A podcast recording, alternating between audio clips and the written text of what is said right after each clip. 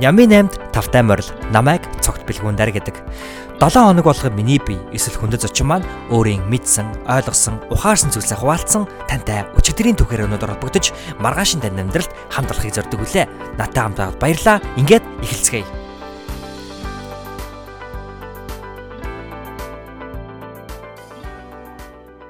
Сайн байцгаана сонсогчдоо энхүү Нямын 8 подкастын маань 26 дугаар дугаарт тавтай морилно.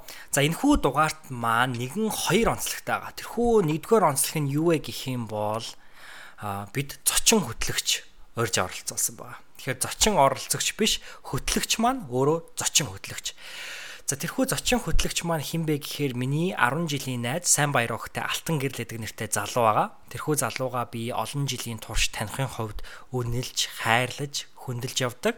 Аа миний дэргэд хийгээд манай найзуудын дэргэд үргэлж нүмер төвшиг нь болж идэг тийм гайхалтай залуу байдаг. Тэгэхээр энэ удаагийн маань асуултуудыг зочин хөтлөгч маань нилээн давшсан байдлаар буюу хурдан хурдан сунжирлгүйгээр асууж байсан нь энэ хөтлөгч маань ямар авьяаслах хөтлөгч гэдгийг та бүхэн маань бас анзаарах болов уу гэж би бодож байна. За оролцсон зочин маань хин бэ гэхээр бас сонирхолтой. Энэ хоёрдугаар сонирхолтой онцлог байгаа. Тэр нь хин бэ гэхээр нөгөө л бэлгүүнэ гэх тоххой. Тэгэхээр миний би өөрөө энэ удаагийн подкастт маань өөрөө зочин болж оролцож байгаа. Аа гэхдээ би та бүхэндээ энэ дугаарынхаа онцлог болгохын тулд аль болох өөрийнхөө энэ долоонод ухаарсан амьдралын түүхийг түүх өгүүлэх байдлаар хүүрнэхийг оролдлоо. Тэгээ энэ 7 хоногт манай сургуулийн буюу ер нь Америк даяар Миннесота мужид маань Spring Break буюу хаврын амралт болсон. Тэгээ энэхүү хаврын амралтандаа тааруулж нэгэн аялалд би хайртай үнтэйг явсан ба. Тэгэхээр энэхүү аяллаас юу сурав? Энэхүү аялал маань юу сонирхолтой байв гэсэн ухаарлаар хийгээд аа мөн хөгжилтэй түүхээр энэхүү подкаста би аль болох чимхийг хүслээ.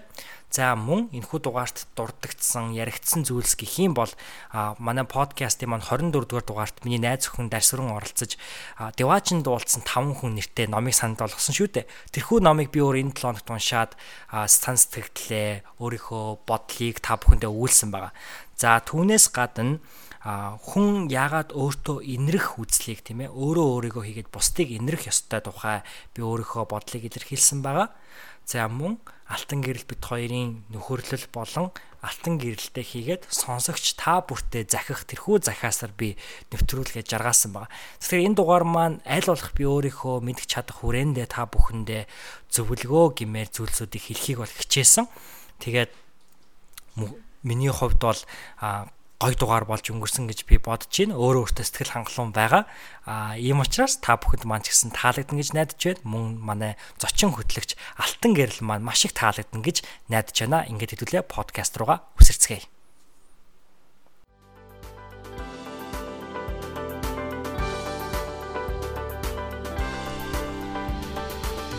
сайн байцгаана залуусаа та бүхэнд энэ өдрийн мэндийг хүргэе. Энэ хөө манай Нэмэнэ подкаст маань алтан гэрлэдэг хөтлөгчөөр явагдаж байна. Хамгийн өнөөдөр хамгийн сонирхолтой зүйл нь юу гэхээр манай бэлгүүна маань байн гэж хүмүүсийг одоо урьж оролцуулж асуулт асуудаг байсан болвол өнөөдөр бэлгүүна маань өөрөө зочноор оролцож байна. Тэгээ өнөөдрийн подкаст маань та бүхэнд маш сонирхолтой нэг тэтгэлтэй байна. За тэгээд хэдүүлээ магадгүй энэхүү подкастыг бас бидний таних таних хүмүүс сонсч магадгүй тийм учраас бэлгүүнэ миний өөрийн хүмүүс танилцуулахгүй. За сайн байцгаана сонсогчдоо энэ хүн Ямын 8 подкастын маань 26 дугаар дугаар тавтай морилноо. За тэгээд яагаад өнөөдөр би өөрөө зочноор оролцох гэж байгаа вэ гэхээр ер нь Ямын 8 подкаста эхлүүлээд би үе үе буюу нэг хаяа хаяа ялангуяа сардаа нэг удаа чадвал өөрөө ер нь бол нэвтрүүлгээ хийх гэсэн тийм төлөвлөгөөтэй байдаг а заримдаа бол үнэхээр ингээд зочд маань ар араасаа ингээд цугларсан байдаг учраас ер нь бол ингээд өөрөө ч оролцоогүй асар олон дугаарууд баг 9 дугаар гаргасан тохиолдол байгаа. А гэхдээ Ямин подкаст маань яг үнэндээ 11 сарын 19-нд гарсан гэдэг чинь тийм хугацааг бол өнгөрүүлээгүй гэсэн хэдий ч одоо энэ хүү 25 дугаар Ямин 8 гэдэг энэ хүү концепт маань өөрөө 26 дугаар дугаараар золгож байгаа нь түрүүчийн Баяратартай ярилцсан дугаар дээр би хэлжсэн. 100-гийн тал буюу 4-ний 1. Тэгэхээр энэ бол нэг юм багаз. Тэгээд би энэ хүү 26 дугаар дугаарыг юу гэж харж байна гэхээр дахиад нэгэн шинэ улирал эхэлж байгааг харж байгаа. Яагаад үг гэхээр та бүхэн бол сайн мэдж байгаа. Одоо Монголд сайхан дулаараа сайхан байна гэж штэ. Энд ч гэсэн ингээл дулаараа айгүй сайхан байна. А манай сургуулийн яг хаврын амралт буюу spring break яг энэ 7 хоног тохиосон. Тэгээ энэ болохоор өөрөө хичээлээсээ 1 7 хоног ч гэсэн ажиллаа хичээл ажил хичээлээс 1 7 хоног гэсэн чөлөө аваад нэг сайхан ингээд бүхний нэг дахиад эхлүүлж байгаа юм шиг нэг тийм сайхан үе байдаг. Тэгээд яг энэ бүхэнд авцсан ийм үед бас ингэж 26 дугаар өөрөө зочин болж оролцож байгаа учир шалтгаан гэвэл нэгэн тийм шинэ үе эхэлж байгааг тийм ээ. Манай нэвтрүүлгийн маань шинэ үе эхэлж байгааг онцолж байгаа юм шүү. Тэгээд би өвчлэн өөрөө зочдоос асуулт асуудаг. Тэгээд модератор хийдэг тийм ээ чиглүүлэгч. А энэ удаад өөрөө би энэ асуултуудаа ер нь яг хөтлөгчөөс хөтлөгч оруулаад хөтлөгчөөс асууя гэж бодсон юм. А тэгээд яг энэ ням гарагт манай найз миний одоо дэргэд сууж байгаа найз алтан гэрэл маань ирж байгаа гэдгийг мэдээд ирэх гэж байгаа гэдгийг мэдээд би алтан гэрэлтэйгээ ярилцлага хий гэж бодсон а алтан гэрэлтэй бид ямар санал тавьсан бэ гэхээр хоёулаа хөтлөгч хоёулаа зочин болж оролцоод би чамаас чи надаасаа асуултаа асууя гэсэн. А алтан гэрэл маань татгалцсан. А харин оронд надад ямар санал тавьсан бэ гэхээр өөрөө хөтлөгч болоо надаас асууя гэсэн тийм ээ. Тэгээд энэ асуултыг агийн маань түрүүн асуусан өөрийгөө надад өөрийгөө танилцуулаач гэдэг гэсэн. Тэгээд хамгийн анх удаа сонсож байгаа хүмүүс байгаа бол намайг бэлгүнэ гэдэг. Энэ бол миний одоо хоч нэрүүдийн нэг. Намайг цогт дэлгүүндэр гэдэг шиг одоо өгтэй би тэгээ маш олон хоч нэртэй намайг хүмүүс цогтоо гэж дууддаг. Агийн маань намайг ах 10 жил танилцаад битүүр 10 жилийн нэг анги хөхтөд. Тэгээ агийн маань намайг ах цогтоо гэж дууддаг байсан бол одоо Америк дээр бэлгүнэ гэж дууддаг болсон те. Магадгүй эргээд Монголд очихоор намайг юу гэж дуудах юм аа. Тэгэхээр ер нь бол энэс юу харагч чинь гэхээр бит хоёр бас нэлээд олон жил нөхөрлж явсан. Бараг 11 онд чинь 9 дугаар ангида биш 10 дугаар ангида уулзсан те. 11 онд 10 дугаар ангида уулзаад 13 онд 12 онд 10 дугаар ангид уулзсан юм шүү дээ. Тэгэхээр чи ер нь бол 12 оноос хойш гэдэг чинь 6 жил хамтдаа байгаа найзууд тэгээд оюутан ах насандаа ч гэсэндээ Америк нэгдсэн улсын Миннеаполис ер нь бол амьдарч байгаа. Миннесота мууж. Тэгээд би юу идэг юм бэ гэхээр та бүхэн ажилласан баг. Энэ хүн Ямины подкастыг бол хөтэлдэг хөтлөгч нь байгаа. Аа мөн яг энэ сурдаг оюутан байгаа. Тэгээд намайг тодорхойлох зүйлүүд нь энэ байна. Тэгээд би Агигасаа бас дараах асуулт асуумаар байна. Яагаад надад татгалцсан санал өгөө? Агийн маань ер нь манай Ямины подкастт хамгийн анх татгалцсан саналыг өгсөн хүн боллоо. Тэглэг яхаа яагаад татгалцсан бэ гэхээр би бол нэмэн 8 подкастыг харахтаа хин нэгэнд урам зориг те яг одоо мотивашн гэж Монголд илүү хөдөл хүмүүс хэрэгэлдэг болоод байна. Одоо мотивац те мотивац өгнө.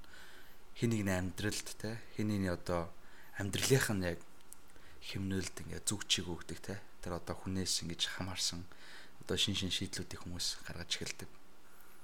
А гэтэл эргээд би яг хүмүүс тийм байж чадах уу гэдгийг би өөрөөсөө асуухаар яг үнэлэхэд би тийм том зүйлээс болол одоо дотор хүн маань яг имиж байгаа. Яг гоо би өөрөө ингээд татгалзаж байгаа маань би одоо бэлгүнэдээ дургуун подкаст дургуу гэсэн үг биш. А энэ үн цэнтэй зүйлийг би сонирхолгүй болгочвол яана гэдэг бол бас бас нэг өөр үнцэг. Тийм учраас би татгалцсан. Тэрийг та бүхэн бас ойлгоно гэдэгт итгэлтэй байна. Тийм.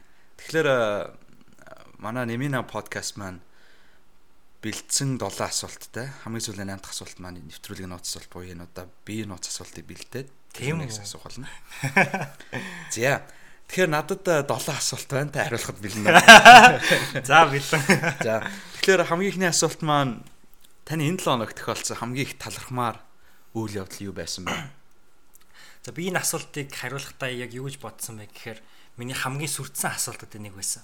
Тэгээд энэ асуултыг хэрвээ та нар ингээд Америкийн ч юм уу бусад улс орнуудын подкастыг сонсоод тэгээд одоо хүмүүс юу гэж хариулж байгааг сонсоод за тэгээ монголчуудын юу гэж хариулж байгааг сонсох юм бол айгүй ондоо хариулт өгдөг өгдөг аахгүй. Тэрэн дээр нь ямар ондоо хариулт байна гэхээр монголчууд маань яг талархдаг нэг хідэн зүйлтэй заавал яг түрүүчийн дугаар дээр Баяратар маань хэлжсэн origin буюу одоо үндэс үүслээ монголчууд айгүйх талархдаг. Баяратар маань өөрөө тэр талархдаг хэлжсэн аахгүй. Тэг үүслэгд нь юу гэлж нэхэр ээж аваа хэлж байгаа аахгүй. А тэрэн дээр нь би юу нэмж хэлэх үү гэхээр их орон байна те. За их орон байна, ээж аав байна ингээд яг өөрийнхөө үндэссэн үндэсээ ингэж хүн бол талархаж явдаг. Энэ бол монголчууд айхтар том онцлог санагддаг. Би тэгээ энийг яг нэвтрүүлгийнхаа энд айгүй дуртай хүсэж байгаа байхгүй. Энэ нь өөрөө манай Монголын арт түмний за бүр Монголын манай Ямины подкаст маань дандаа яг орчин үеийн шинэ үеийн залуучууд өргөдөж оролцдог тийм. Залуучууд маань ч гэсэндээ ийм одоо эх оронч эцэг ихтэй хайртай ийм талархалтай сэтгэлийг өдөр болгон дагаж явдаг нь надад монголчуудын айхтар том онцлог санагддаг. Тэгээд энэ асуултанд яагаад сүрдсэн бэ гэхээр би бас яг тэрийг хэлэхгүй бол болохгүй юм санагдаж байгаа байхгүй юу. Тийм бааз. Тэгэхээр тэгэхээр мэдээч хэрэг миний хувьд бол яг л тийм байгаа. Баяратар манд дурдсан баг. Эсвэл өөр хүн байж ч магадгүй. Далай лам юу гэж хэлдэг гэхээр далай лам болохоор өглөө болгон сэрэл аваачлаар энэ хин дурдсныг би саналаа. Жей шэтигээ би сүүлийн үед нэг англ залуу лам байсан заяа. Тэгээ лам байжгаад ламаасаа халагдаад айгүй сандаан төвхтэй залуу. Би энэ түүний түүхийг айгүй гоё ярьж өгч чадна. Тэгээ энэ залуу маань ламаасаа халагдаад сонирхолтой. Ламаасаа халагдаад англид ирээд тэгээд entrepreneur болсон. Social media entrepreneur. 2 жилийн дотор хугацаанд ер нь бол бүх бичлэгүүд нь асар олон хүн төрөд амар viral-сан байхгүй. Тэгээд тэр хүний зорилго нь юу гэх юм бол эрдэм мэдлэгийг одоо viral болгох буюу let wisdom go viral гэдэг тийм зорилготой амар сонирхолтой байгаа. Одоо эрдэм мэдлэгийг олон хүмүүст түгээх. Тэгээ өнөөдрийн нийгэмд юу айгүйх олон хүмүүст хүрч ийн гэхээр entertainment. Монголчуудын бидний дунд ч ажиллаж байгаа штэ. Ямар контентууд илүү олон хүнд хүрч ямар олон хүмүүсийг хамарч ийн гэхээр инээдмийн хөгжилтэй тийм ээ. За тэр нь мэдээч хэрэг нөө нийгмийн шаардлагыг тулгуурлаж байгаа. Аа стресстэй байна тий. Тэгэхээр нэг хаяач гэсэндээ Facebook-оор инээмээр байна. Аа тэгвэл J Shed-ийн онцлог нь юу гэхээр бол тэр entertainment-ийг education-тэй холж education одоо боловсралтай entertainment-ийг илүү олон хүнд өгөх гэж байгаа байхгүй. Тэр хүний хэлсэн зүйл нь юу гэх юм бол бас яг энэ талархалтай асуудалтанд асуултан дээр юу гэж хэлсэн бэ гэх юм бол өглөө болгон сэрээд ер нь амьд байгаадаа талархдаг гэх. Тэгэхээр өнөөдөр хүн өглөө болгон сэрээд амьд байгаадаа талархаж байгаа нь өөрөөс хам хийгээд зөндөө олон зүйлс хамааралтай тий. Өнөөдөр нар хүртэл бидний амьд байгаад асар их чухал штэ. Тэгэхээр нарандаа талархах хэвээр, байгаль ихтэйдээ талархах хэвээр, эцэг ихтэй заавал талархах хэвээр, эх орондоо талархах хэвээр гэд энэ мэдсэн зүйлүүдэд бол ер нь бол талархаж байгаа. Энийг бол заавал дурдах хэвээр. Энэ бас төрдмээр монголчуудаас. За дараагийн талархаж байгаа зүйл нь юу гэх юм бол энэ 7 хоног spring break буюу хаврын амралт гэсэн гэж хэлсэн те. Тэгээд би найз охинтойгоо хамт дараад хоёр Америк нэгдсэн улсын өмнөд муж, баруун өмнөд муж, Флорида муж руу аялсан. Тэгээд энэ аяллаа турш бол 4 хоногийн турш бит хоёр аялж байхад бол дараа бол маш сайн аяллаа хамтрагч байсан. Тэгэхээр би тэрнээс юу харж нэхэр би анх удаа найз охинтойгоо яг ингээд хоёулахт нь аялалд явж үзэж байгаа байхгүй юу. Тэгэхээр би тэр аяллаас юг мэдэрсэн гэхээр өөсө дараагийн дараагаас олж харж байгаа дүр төрхийг нь олж харж байгаа байхгүй. Одоо тэр аялагч дүр төрхийг нь те. Тэгээ ямар сайн амтрагч, ямар сайн аялагч нь харсан. Тэрэндээ би амар талархсан. Ягаад тэгэхээр үргэлж маш сайн аялагч байсан те. Ингээ би машин барьж яхад дараа ингээл айгүй гой амттай хоолны газар олдож олждаг те. Баяр одоо ийм зөксэй гэл. Key West гэдэг Америк нэгдсэн улсын хамгийн их их газрын Америк нэгдсэн улсын хамгийн одоо урд зүгийн хот Key West байхад хаана нар жарахыг үзэх хамгийн гоё юм те.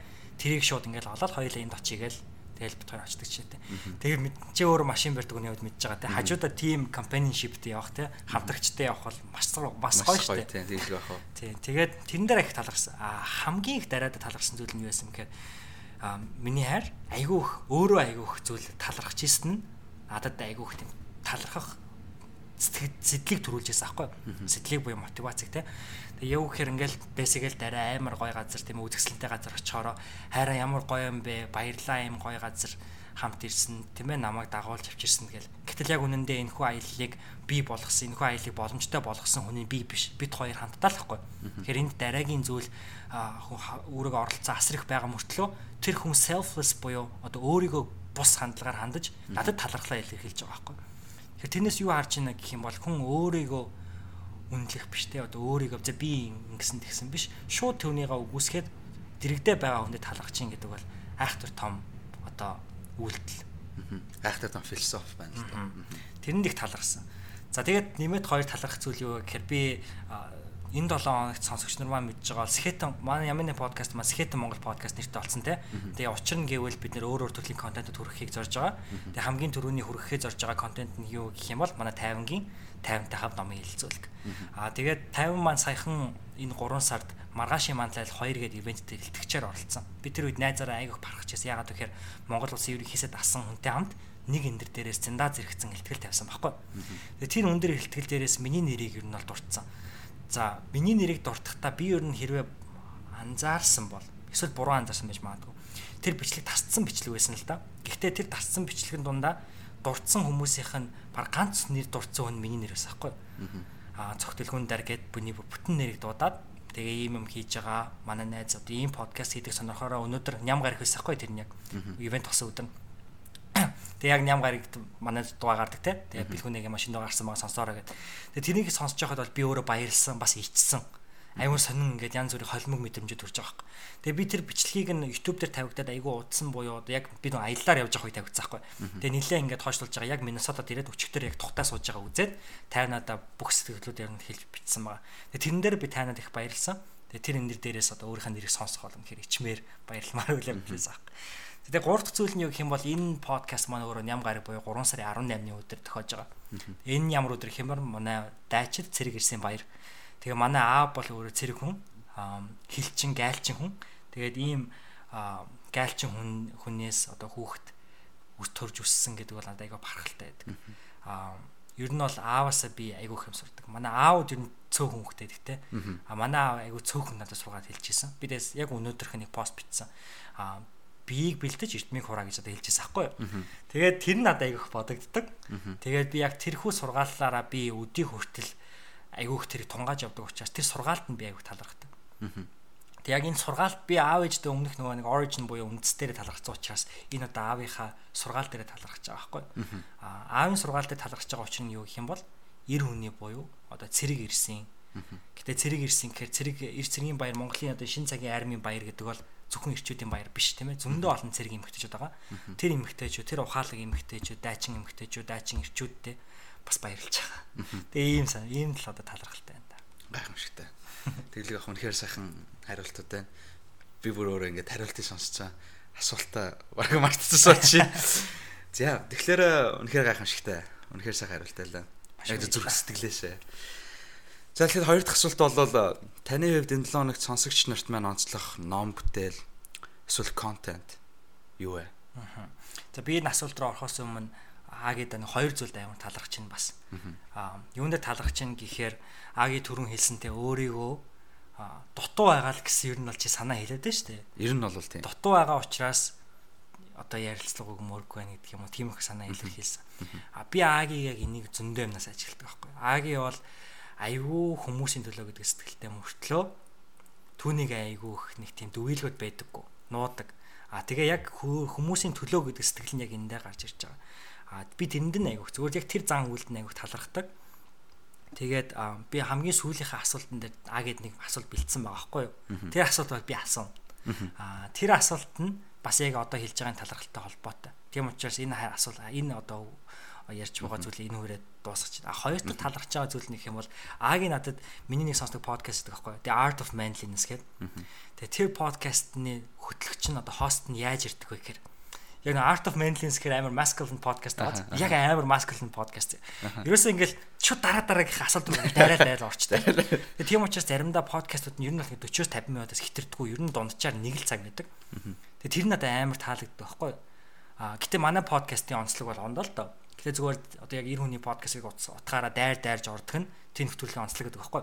Яг Агит ингээ ярилцсан чинь Аги ингээ шууд ингээ дайраа дайраад хоёр дахь асуулт дээр орчиж чинь.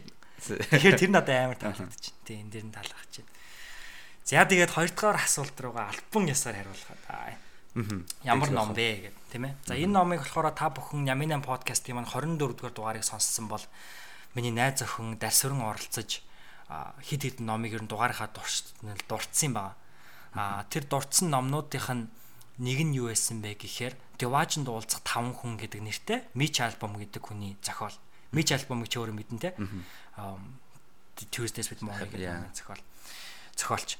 Тэгээ тэр номыг би сая яг энэ ням бүрүү гарагт Флорида мужид буюу Майамид өнгөрүүлсэн хамгийн сүүлийн өдрөө дараагт хоёр далайн ирэг дээр ер нь бол өнгөрүүлсэн баггүй баг бүхлүүдийг одоо ч харж байгаад ингээд түлэгдтлээ. Борлтлоо. Тэгээд бид хоёр ер нь бол нэгтгэд очоод нэгтгэд очоод нэгт хоёрт гуравт гээд бүтэн өдрүүдийг ингээд энэ тэрүүгээр яваад айгүй юм хум үзээд ингээд нэлээд завгүй өнгөрүүлсэн. Тэгээ сүүлийн өдрөө нөгөө хүн нэг юм дуусах харчин ингээд сэтгэл ингээд зураад хэцүү байдаг дээ явмааргүй. Тэгээ яаж яхад чинь ямар сайхан дулаахан юм те. Тэгээ явмааргүй санагдаж байгаа. Тэгээ бит хоёр за хамгийн сүүлийнх нь өдөр Майами гэдэг энэ хот тийм ээ. Энэ Флорида муж юугаар алдартай вэ гэхээр зөвхөн энэ Флорида мужтай биш Майами хот бол угаасаа Америкийн нэгдсэн улсын хамгийн гоё далайн эрэгтэй газар гэж цоллогддог. Тэгээ soft beach буюу одоо өмнөд далайн эрэг гэдэг аа тийм одоо бич байдаг байхгүй далайн эрэг те. Тэгээ тэрэн дээр бит хоёр очиж өдөржингөө байсан. Тэг яг тэрэн дээр хөвтөж явахдаа би дараагийн тэрхүү дурдсан Деважинд уулз 5 ном 5 хүн гэдэг тэр номыг уншсан байхгүй. Тэгээд нэг талыг нь уншичаад дараа нь эргээд онгоцсон суугаад Миннесота мужи руугаа ирж явах замдаа уншиж дуусгасан. А тэгээд хамгийн сүүлд нэг 3 4 хуудас үлдсэн байсныг нь би юу яасан. Сая өнөөдөр уншиж дуусгасан. Тэг яагаад гэхээр би нэг онгоцонд нөгөө орохоор ингээд найр үрд унтах гад байдаг. Тэгээ яг ингээд сүүлийнхаа хэд хуудасыг ингээд уншиж явахдаа бүр ингээд дохиол те. Гол нэг уншичмаар байдаг. Тэгэхээр найр үрэл нөгөөдгөө бүр зүүдэлж хөдлөө. Тэгээ ясах. Тэгээд би яагаад яг пүрүү гарагт одоо амар ингэ явмааргүй тэм сэтгэлийг авч исэн хэлж исэн тэрийг айгүйх дурдж байна гэхээр яг тэр номны хамгийн гол санаа нь юу гэхээр нэг зүйлийн төгсгөл нөгөө зүйлийн эхлэл байдаг. Энэ бол тэр номны хамгийн гол санаа. Тэгээд тэр номон дээр ер нь юу болдог вэ гэхээр тэр Эди гэдэг залуу байдаг хгүй 83 настай өвөө л дөө. Тэгээд тэр өвөө болохоор 83 бинүү 87 за 83 бах. 83 насны дээрээ бурхан болж байгаа. Тэгээд бурхан болчоод Диважинд очоод 5 хүнтэй болж байгаа хгүй. Тэгээд тэр хүний амьдрал төгсөж байгааж яг тэр зохиол дээр төгсөж байгааз. Гэхдээ а тэр хүний хувьд бол Диважин очоод одоо өөрийнхөө хуучин амьдралыг дахин одоо эргэж сөхөж хараа тийм ээ юун дээр алдсан юм дээр онсон байна гэдгийг хараад шинэ амьдралыг эхлүүлж байгаа нэг эхлэл байгаа байхгүй. Тэгэхээр өнөөдөр бид нар үхлийг төгсөл гэж хардаг мөртлөө бас эсэргээрээ үхэл юмны эхлэл байдаг гэсэн амар гол санаатай. Тэгээ би нөгөө нэг пүрүү гарагт ингээл яваа хурдан одоо ингээ явах гээд явахгүй байх юмсан. Одоо ингээл аялал маань төгслөө те. Буцаал нөгөө хүүтэн Миннесота мужи чи хүүтнэрээ алдартай Флорида мужи л дулаанаар алдартай те. Тэгэл ингээл хүүтэн дулаанаас хүүтэн рүү очичлоо гэл ингээл харамчсан яг тэрийг уншаал. Аа энэ миний ингээд энэ spring break дуусч чинь те. А гисэн хэдиж эн чинь миний одоо хичээлийн семестрийн 2 дугаар одоо эхлэл шин зүйлийн эхлэл гэдэг ингээ надад бодогдож байгаа юм. Тэгээд тэр ном бол шууд тэр үед ингээ миний майндсетийг буюу сэтгэлгээг ингээ өөрчилж байгаа. Тэгээд тэр номон дээр гардаг нэг таван санааг нь одоо буюу тэр таван уулдсан хүнийг нь би ер нь сонсогч нартаа хэлье гэж бодож байгаа байхгүй. За тэгээ хамгийн анхны хин хүнтэй хинтэй уулздаг вэ гэхээр цэнхэр хүн гэдэг хүнтэй уулздаг. За цэнхэр хүн гэдэг нь болохоор тэр хүн айгүйх тийм одоо depressed depressed буюу одоо тийм сэтгэл санааны хямралаас болж айгүйх шаналдаг хүн байсан. Тэгээд 20 дугаар зууны одоо 20 дугаар зууны дунд тэр хавцаа болохоор яг тэрийг эдгээдэг тийм одоо юм ч юм уу, treatment ч юм уу тийм ээ. Одоо янз бүрийн тийм юу бол байгаагүй сургалт ч юм уу тийм ээ. Сэтгэл зүйн муу бол тэр сайн хөгжөөг байс тээ. Тэгээд тэр хүмүүст юу хүчээсэн бэхээр би яг юуг санахгүй байна. А бодисхийн нэрийг нь Гэтэ ер нь бол тэр бодис нь болохоор одоо бол бид нэр одоогийн хүмүүс тийм ээ өнөөдөр яг 21 дэх зуун тэрийг хортой байц хүн одоо идэж болохгүй зүйл гэж үздэг. А тэр үед болохоор хүн идвэл депрессэн буюу одоо тэр юунд нь сэтгэл санааны хямралд туслана гэд.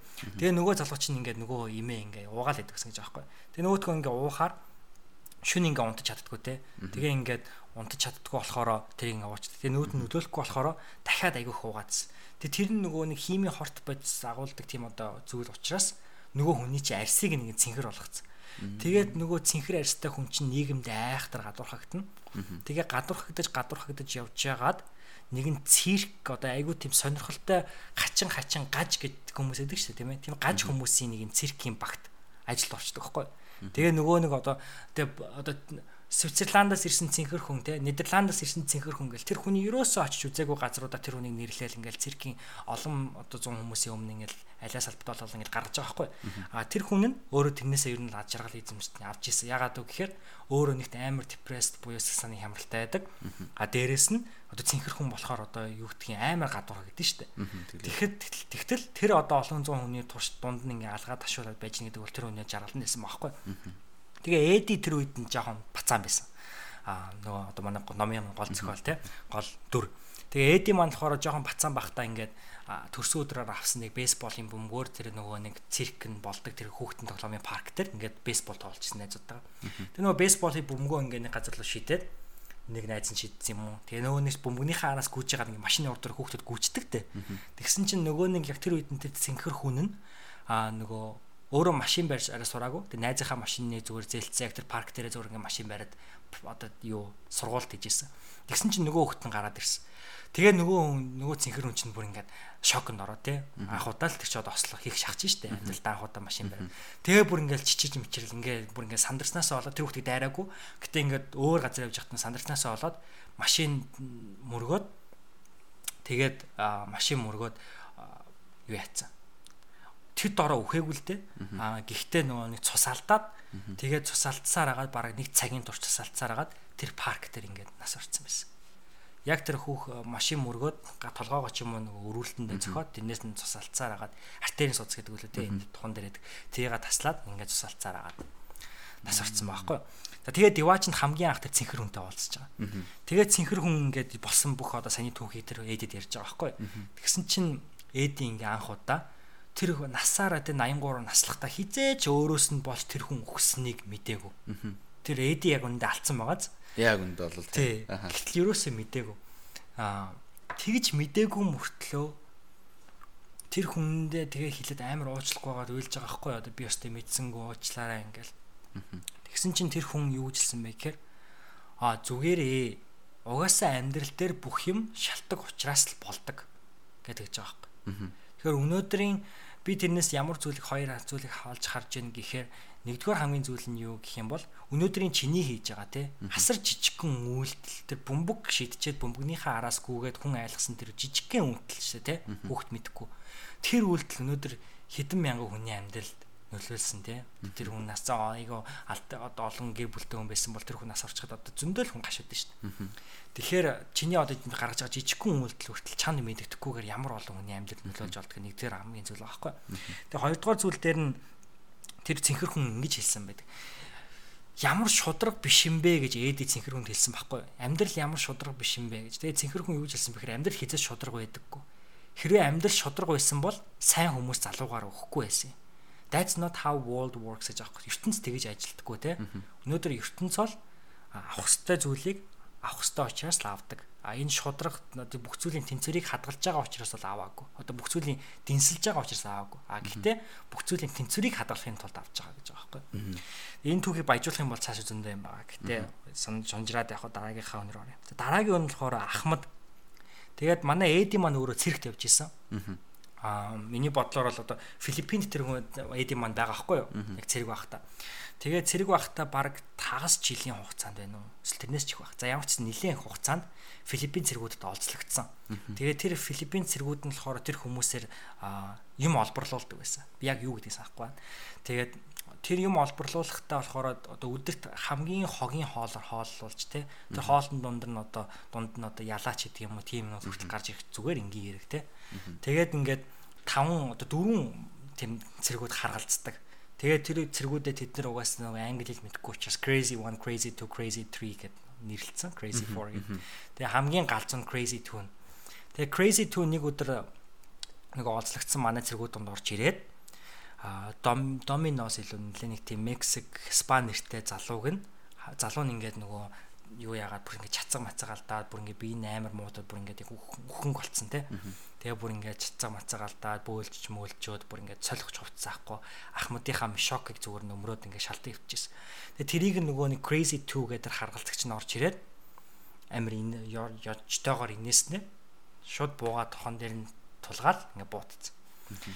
Тэгээд тэр үед болохоор Эди өөрөө нөгөө нэг Ruby Peer гэдэг одоо нэг тийм саарл далайн ирэг дээр байдаг юун дээр өссөн хүүхд тахгүй юу? Хүүхдийн тоглоомын парк дээр. Тэнд тэр нөгөө нэг цэнхэр хүмүүнтэй уулзсан тий. Аав нь тэр Руби Пир гэдэг тэр далайн ирэг дээр хүүхдийн тоглоомын газарт ажилдаг байсан. Насаараа ажилласан. Тэгээ тэр хүнтэй уулз тэр Эди маань өөрөө тэнд амьдардаг хүний хувьд нөгөө циркийн хүмүүсээр жонглорд гэдэг штэ тий бөмбөг шидэг. Жонглордод заалгацсан. Тэгээд тэр дөрвөн харгалзагчийн донд Crazy Tree буюу одоо 3 дугаар харгалзагч нэг хамгийн гайгүй аштнээс гинэ. Тэгээд нэг өдөр нөгөө харгалзагч нь ингээл нөгөө жонглоор доол ингээл байжсэн байна л да. Хоёр чулуугаар. Нөгөөд нь чадахгүй тийм хоёр чулуу ингээд жонглоорд чадахгүй. Тэгсэн чинь манай Эди тэр үед юу ярьсан бэхээр нөгөө найд нэг нэг цэрэг найзаа алдсан учраас ер нь хэдүүлийн ингээл хүлээгээд авах юм бол угаасаа ингээл бүгд төр адилхан хувьд авилгаар өгөх юм байна. Бид нар ямар нэгэн зүйл хийх хэрэгтэй мэн гэж хэлсэн. Тэгээд Эди нам миний одоо тохиогоор ажиллаарай гэд нөгөө нэг 3 дугаар харгалзагчийг нь дуудаад ингээд одоо ингээд өөрөө ингэж жонглоорч харуулсан нөгөө Филиппин учраас нөгөө ярьж чадахгүй дэ хэлнээр. Тэгсэн чинь нөгөөт чинь ингээ хоёрчлуугаа өгсөн байгаа байхгүй. Тэгээ Эди чинь нөгөө хоёрчлуургаанд ингээ жонглоорч үзүүлж ирсэн аа. Ингээд гурав гараа ингээд гурван хуруу гаргаад гурав гэсэн тий. Тэгээ нөгөөх нь нөгөө Филиппин дахиад нэг чулуу гэсэн. А тэгэл нөгөө манай залуу чинь нэг чулууг нь өндөр шидчихэл нөгөө хоёроор амар хурдан ингэж жонглордол дахиж нэг чулууг нь өндөр шидчихэл нөгөө хоёроор жонглордол амар гой зэрэг бүзэлж байгаа байхгүй. Тэгэл нөгөө ч сүултээ ингээл амар гой дуу дуулж муулал те. Ла ла ла ла ла гэл. Тэгснэ ингээл жоохон ингээл англи үг оруулж маруулаад ингээл жоохон дуу дуулж ирсэн аа. Англи үгээр ингээд дуулж байгаа дээ. Тэрнийхээ орондоо за ахмадаа жоохон ойрторой За тэрээ жоох ойртоорой энэ төр гэл те. Тэгээ ингэж ингэж байгаа л нэг чулууга амар өндөр шидэл. Шууд толгоороо нөгөө харгалзагч гурийнхаа толгоор нь зохиол. Тэгэл дараа нөгөө харгалзагч дөрөв нь орж ирэл харгалзагч хоёр нь орж ирэл нөгөөд нь орж ирэл тэгээ нөгөөд бөө ноцтолтон болол те. Тэгээ нөгөөдөл чинь бүр ингээд тэр тэр үе чинь тэр хүүдийг боддоо бүр айхтар адреналин хөөрж байгаа шүү дээ бүр ингээд амар айгаал адреналин хөөрөөл бүр ингээд өршөө авмар санагдал тэр найзынхаа. Тэгээ нөгөөдөл чинь бүр ингээд өгтлэн зодоол. Тэгээд ингээд өгтлэн зодоод яасан бэ гэхээр аа Тэд нар бүр ингээд адреналин хөөрөө тэгээд тэрийг ялцсан заяа. Тэгээд ингээд яг цухтахын даваан дээр тэгж байгаа байхгүй. Бид нар өвшөө авах хэрэгтэй. Тэгээд түүл энэ газрыг дэлплээ хийгээд тэгээд тэд нар ямар ч байдлаар тэгээд яг тэр газар нугасаа нүүсний урхаа санагдаж байна. Тэгээд яг нөгөө дэлплэх динамит энэ төр янз бүрийн юм байсан. Тэгээд тэднийг ингээд дэлбэлчихэж байгаа байхгүй. Дэлбэлэхээр ингээд тавьчихж байгаа байхгүй. Тэгээ ингээд ахмад нь ингээд машин олцсон тэр оронд нь нөгөө хоёр цэрэг нь ингээд юм хайгаад дэлбэлж байгаа тийм. Тэгээд нөгөөтгөө ингээд дэлбэлчээд яг ингээд ахмадынхаа машинаар ингээд гүйжсэн чинь манай эди ингээ харсан чинь нэг 5 настай гэмээр те 3 4 настай хүүхдийн ингээд нэг сүүдэр энэ төр нэг галан дундэр ингээд бүрлц бүрлцээд харагдаж байгаа байхгүй. Тэгээ эди би нэг юм харах шиг боллоо гэд. Тэгсэн чинь нөгөө найз нь а юу яриад байгаа юм бэ явъя гэдэг. Ахмад нь юу яриад байгаа юм бэ явъя гэдэг ингэж байгаа байхгүй. Ийм зүйл болсон те. Тэгээ нөгөө эди чинь тэн үнэхээр хүн байна гэд. Тэгээ тэр эди өөрөө хүүхдийн тоглоомын парк дээр өссөн хүн те. Хүүхдүүд амар хайртай байгаа штэ. Тэгээ эргээд нөгөө гал руугаа гүгээд эхэлсэн. Тэгэл нөгөө гал дор гал нь ингээд өөрийг нь ингээд нуруунаас нь шатаагаад эхэлж байгаа байхгүй галан доноргоо гэдэг эхэлсэн. Тэгээд ардаас нөгөө залууч нэг унаад тэгээд ингээд галан донор яжсэн чи ардаас нь хөл рүү нэг хүн буутцсан. Тэгээд тэр үед хэн буутсан бэ гэхээр дайсны цэргүүд буутчлаа л гэж бодсон. А тэгээд ардаас нь гинт нөгөө нэг нь цэрэг найз нь татаад эхэлсэн те ингээд газар чирээд. Тэгээд нөгөөтг чинь ингээд машин дээрээ гарч ирээд тэгээ ингээ нэг сэхээ ороод сэхээ гараад хүн чинь цусаалтаад галж чатаад бөөм болж байгаа шүү дээ тэгээ нөгөө хүн чинь ингээ ухаанаа алдчихж байгаа байхгүй. Тэгээд диваа чинь хинтээ олж ихэд ахмадтайгаа уулзж байгаа байхгүй. Тэгээ ахмад нь өөрөө тэр ахмад цэргийн ахмад байхдаа ер нь цэрэгт явж байгаа хүмүүс чинь юу харж байна гэхээр хүн тиймэрхүү нөхцөл байдалтай дайны нөхцөл байдалд орохоор ерөөсөө тэр хүмүүс хин нэгэн өөд хардаг те. За энэ хүн намайг аварчих болов. Энэ хүн нэг бид нэр зөв команд өгөө юу хийх мэд хэлчих болов гэл те. Ер нь бол Америкийн одоо ялангуяа Вьетнамын дайнаас өгөх юм бол дандаа бид одоо бит хоёроос дүү те. 18 19-тэл бацаанууд зэрэгт явж байгаа шүү. Тэр юугаач мэдгүй. Тэгээ тэр Ахмад нь тэр хүмүүст юу гэж ярьж ирсэн бэ гэхээр no one leaves behind буюу хинч хойно үлдэхгүй л гэж хэлдэг байсан. Тэгээ цэрэг хүний хамгийн чухал зүйл нь юу байдаг вэ гэхээр нэг айгүй энгийн санааг үлгэж аваад түүнийга байнга сануулж явах хэрэгтэй гэдэг гинэ. Бусад ихтгэл төрүүлэхийн тулд. А тэр хүний хувьд болохоор цэргийн гэр бүл 3 үе удаа дамжсан хүний хувьд болохоор тэр санаа нь юу гэсэн юу байсан бэ гэхээр хинч хойно үлдэх гэсэн үг гэдэг санаасан. Тэгээ тэрийг одоо чи дайндтэй ингээ үхлээ ингээ маргааш өнөдөр үхээ мэдгүй байж нэг хүн хинч хойно үлдэх эсгүй гэл ингээл ахмад чинь тэгэхэр чи тэр хүн айх дэртэн гэжтэй. Тэгээ тэр хүн аясрыг сэтгэл хүлээдэг байсан, хүлээлгдэг байсан те. Тэгээ эдигээс тэр ахмад нь асууж байгаа байхгүй. Чи яад итгэл хүлээлгэжсэн байж тэгээд. Итгэл хүлээлгэжсэн гэд. Тэгвэл би амлсан ёсороо хинч хойно үлдээгүй. Би чиний хүлийг чинь буудсан гэдэг жбайгаа байхгүй. Тэгээ Эди тэр үед амар ууралсан. Яагаад вэ гэхээр тэр өөрөө 20 хэдхэн зам настай залуу байх та тий. Хөлөө баг ингээд алтчаад бүр ингээд дахиж хөл дээрээ зогсож чадахгүй гэж эмчнэр хэлжсэн байхгүй. А гэхдээ тэр хүн азар хөл дээрээ зогсож бол чаддаг байсан. А гэхдээ ер нь бол гүйж чадахгүй тий. Одоо энгийн эрүүл мэндийн хийж чадахгүй бүх зүйлийг хийж чадахгүй. Хийж чадахгүй. Тэгээ тийм учраас насаараа тэрэндээ ингээд харамсаал. Насаараа тэр хүн түүндээ ингээд одоо яах гэж би тэр гал руу гүүвээ тий яах гэж би тийшээ ингэж юу н эргэж очивоо ч гэдэг юм уу те ингэ насаараа өөрийгөө зүхэж амьдарч ирсэн. Тэгээ би энэ бүх зүхлийн зүхлийн шалтгаан ахмада та байсан юм уу гэдэг дивааж нэг ахмадыгаа нухаж байгаа байхгүй юу. Цанцнаас нь захнаас нь зураа те. Гэтэл ахмад нь бол ингээл тамхи татсан ивэрэл яах ч яагаад гэж дивааж нь штэ. Хин ч бэртч хийж чадахгүй. Тэгээд ахмад нь түүхээ ярьж байгаа.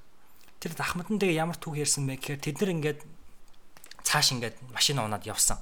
Машинаа ингээд цааш унаад явж байхдаа юу болсон бэ гэхээр Ахмад нь ингээд одоо ингээд за нэг юм уулзар те замын уулзар дээр ирээд Ахмад нь за та нэрнжээ зогсчи. Би ийшээ гараад ойр хавийг ажиглаад тэгээ явцгаа ингээд гэж байхгүй. Тэгээ машинаас өөрөө буугаа те. Тэгээ хажуу талынхаа нөгөө зэрэгтээ өрүүлээ өгөөд ингээ өөрөө буугаад явж байгаа байхгүй. Тэгээ нэг 5 алхамж явсан юм уу хэдэн метрч явсан юм уу ингээд урагшаа явж хагаад ингээ иргэн хоёр иргэн тойрноо хараад одоо цэврэн гэтээ ингээ өөртөө үнээг дуудаж байгаа байхгүй. Тэгээ Ахмад нь ингээ цаашаа ингээ нэг 2 3 ингээ алхаад тэгсэн чи шууд нөгөө нэг ланд майн буюу газрын бомбууд илбэрсэн. Тэгээ Ахмад нь тэр дор өгсөн гэж байгаа байхгүй. Тэгээд Ахмад нь тэр дор өгснийг Эди хизээч мтээгүй хизээч мэдээгүй.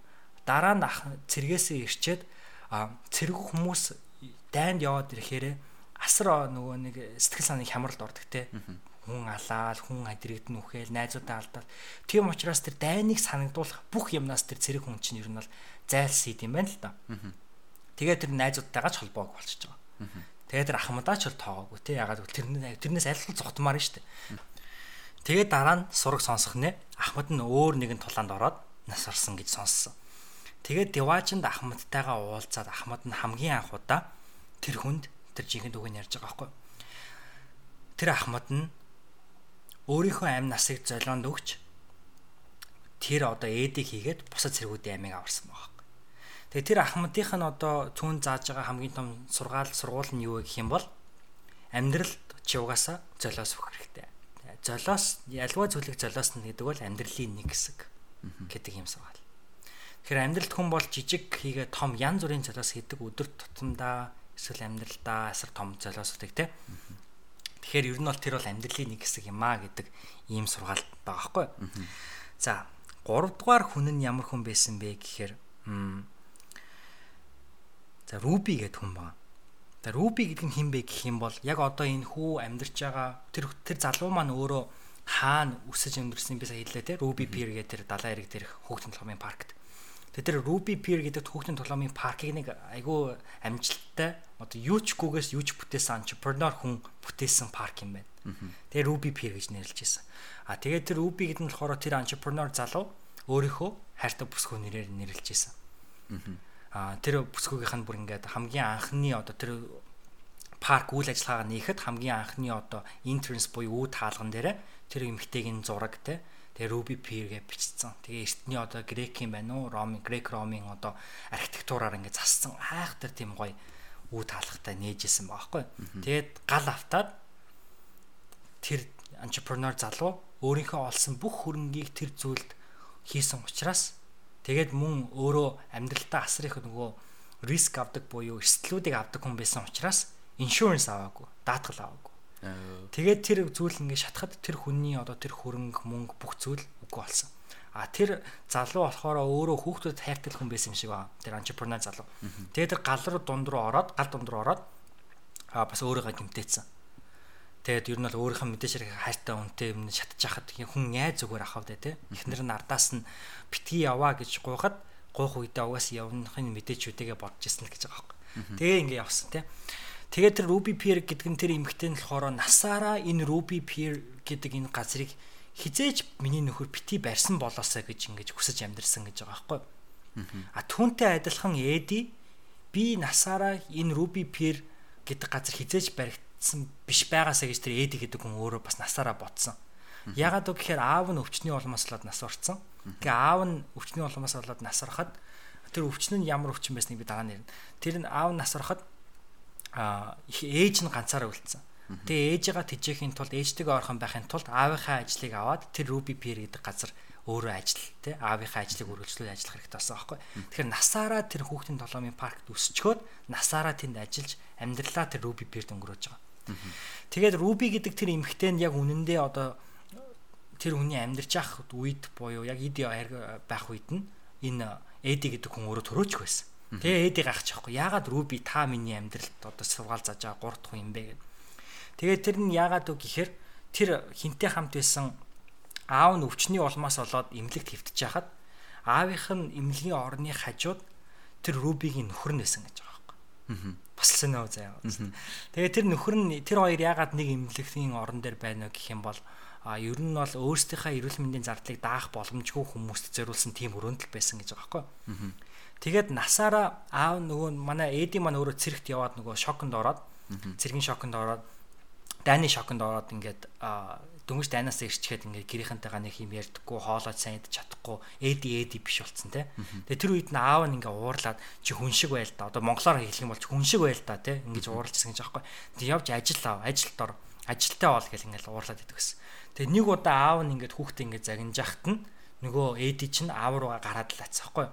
Тэрнээс хойш аав нь нас барах хүртлээр нэг ч удаа хүүхдтэйгээ дахиж юм дуграагүй. Аа хүүхэд нь ч гэсэндээ насаараа аавдаа аавыгаа үзий яддаг байсан. Яагаад гэвэл жоохон бахт нь аав нь өөрөө аргиух арх уудаг. Алкогол хэргэлдэг те. Тэгээд айгүй их тийм ажил дээрээ хүзэр мүзэр тоглодог. Тэгэл мөнгө төгөөрөг алддаг. Тэгэл ер нь бол тодорхой хэмжээний зовлон гэр бүлд авчирч ийсэн. Тэгээд тэр ном бас энэ номны санаа нь юу гэх юм бол аав ээж нар хүүхдүүдийн амьдралд аз жаргал ухаарал янз бүрийн хөөс гадна тэр хүүхдүүдийн амьдрал хар толбыг ч нөхцүүлдэг хүмүүс гэж байгаа байхгүй. Тэгэд тэрнээс нь болж эди ингээ насаараа аавыгаа аавдаа дургу үзий ядч чадсан байгаа байхгүй.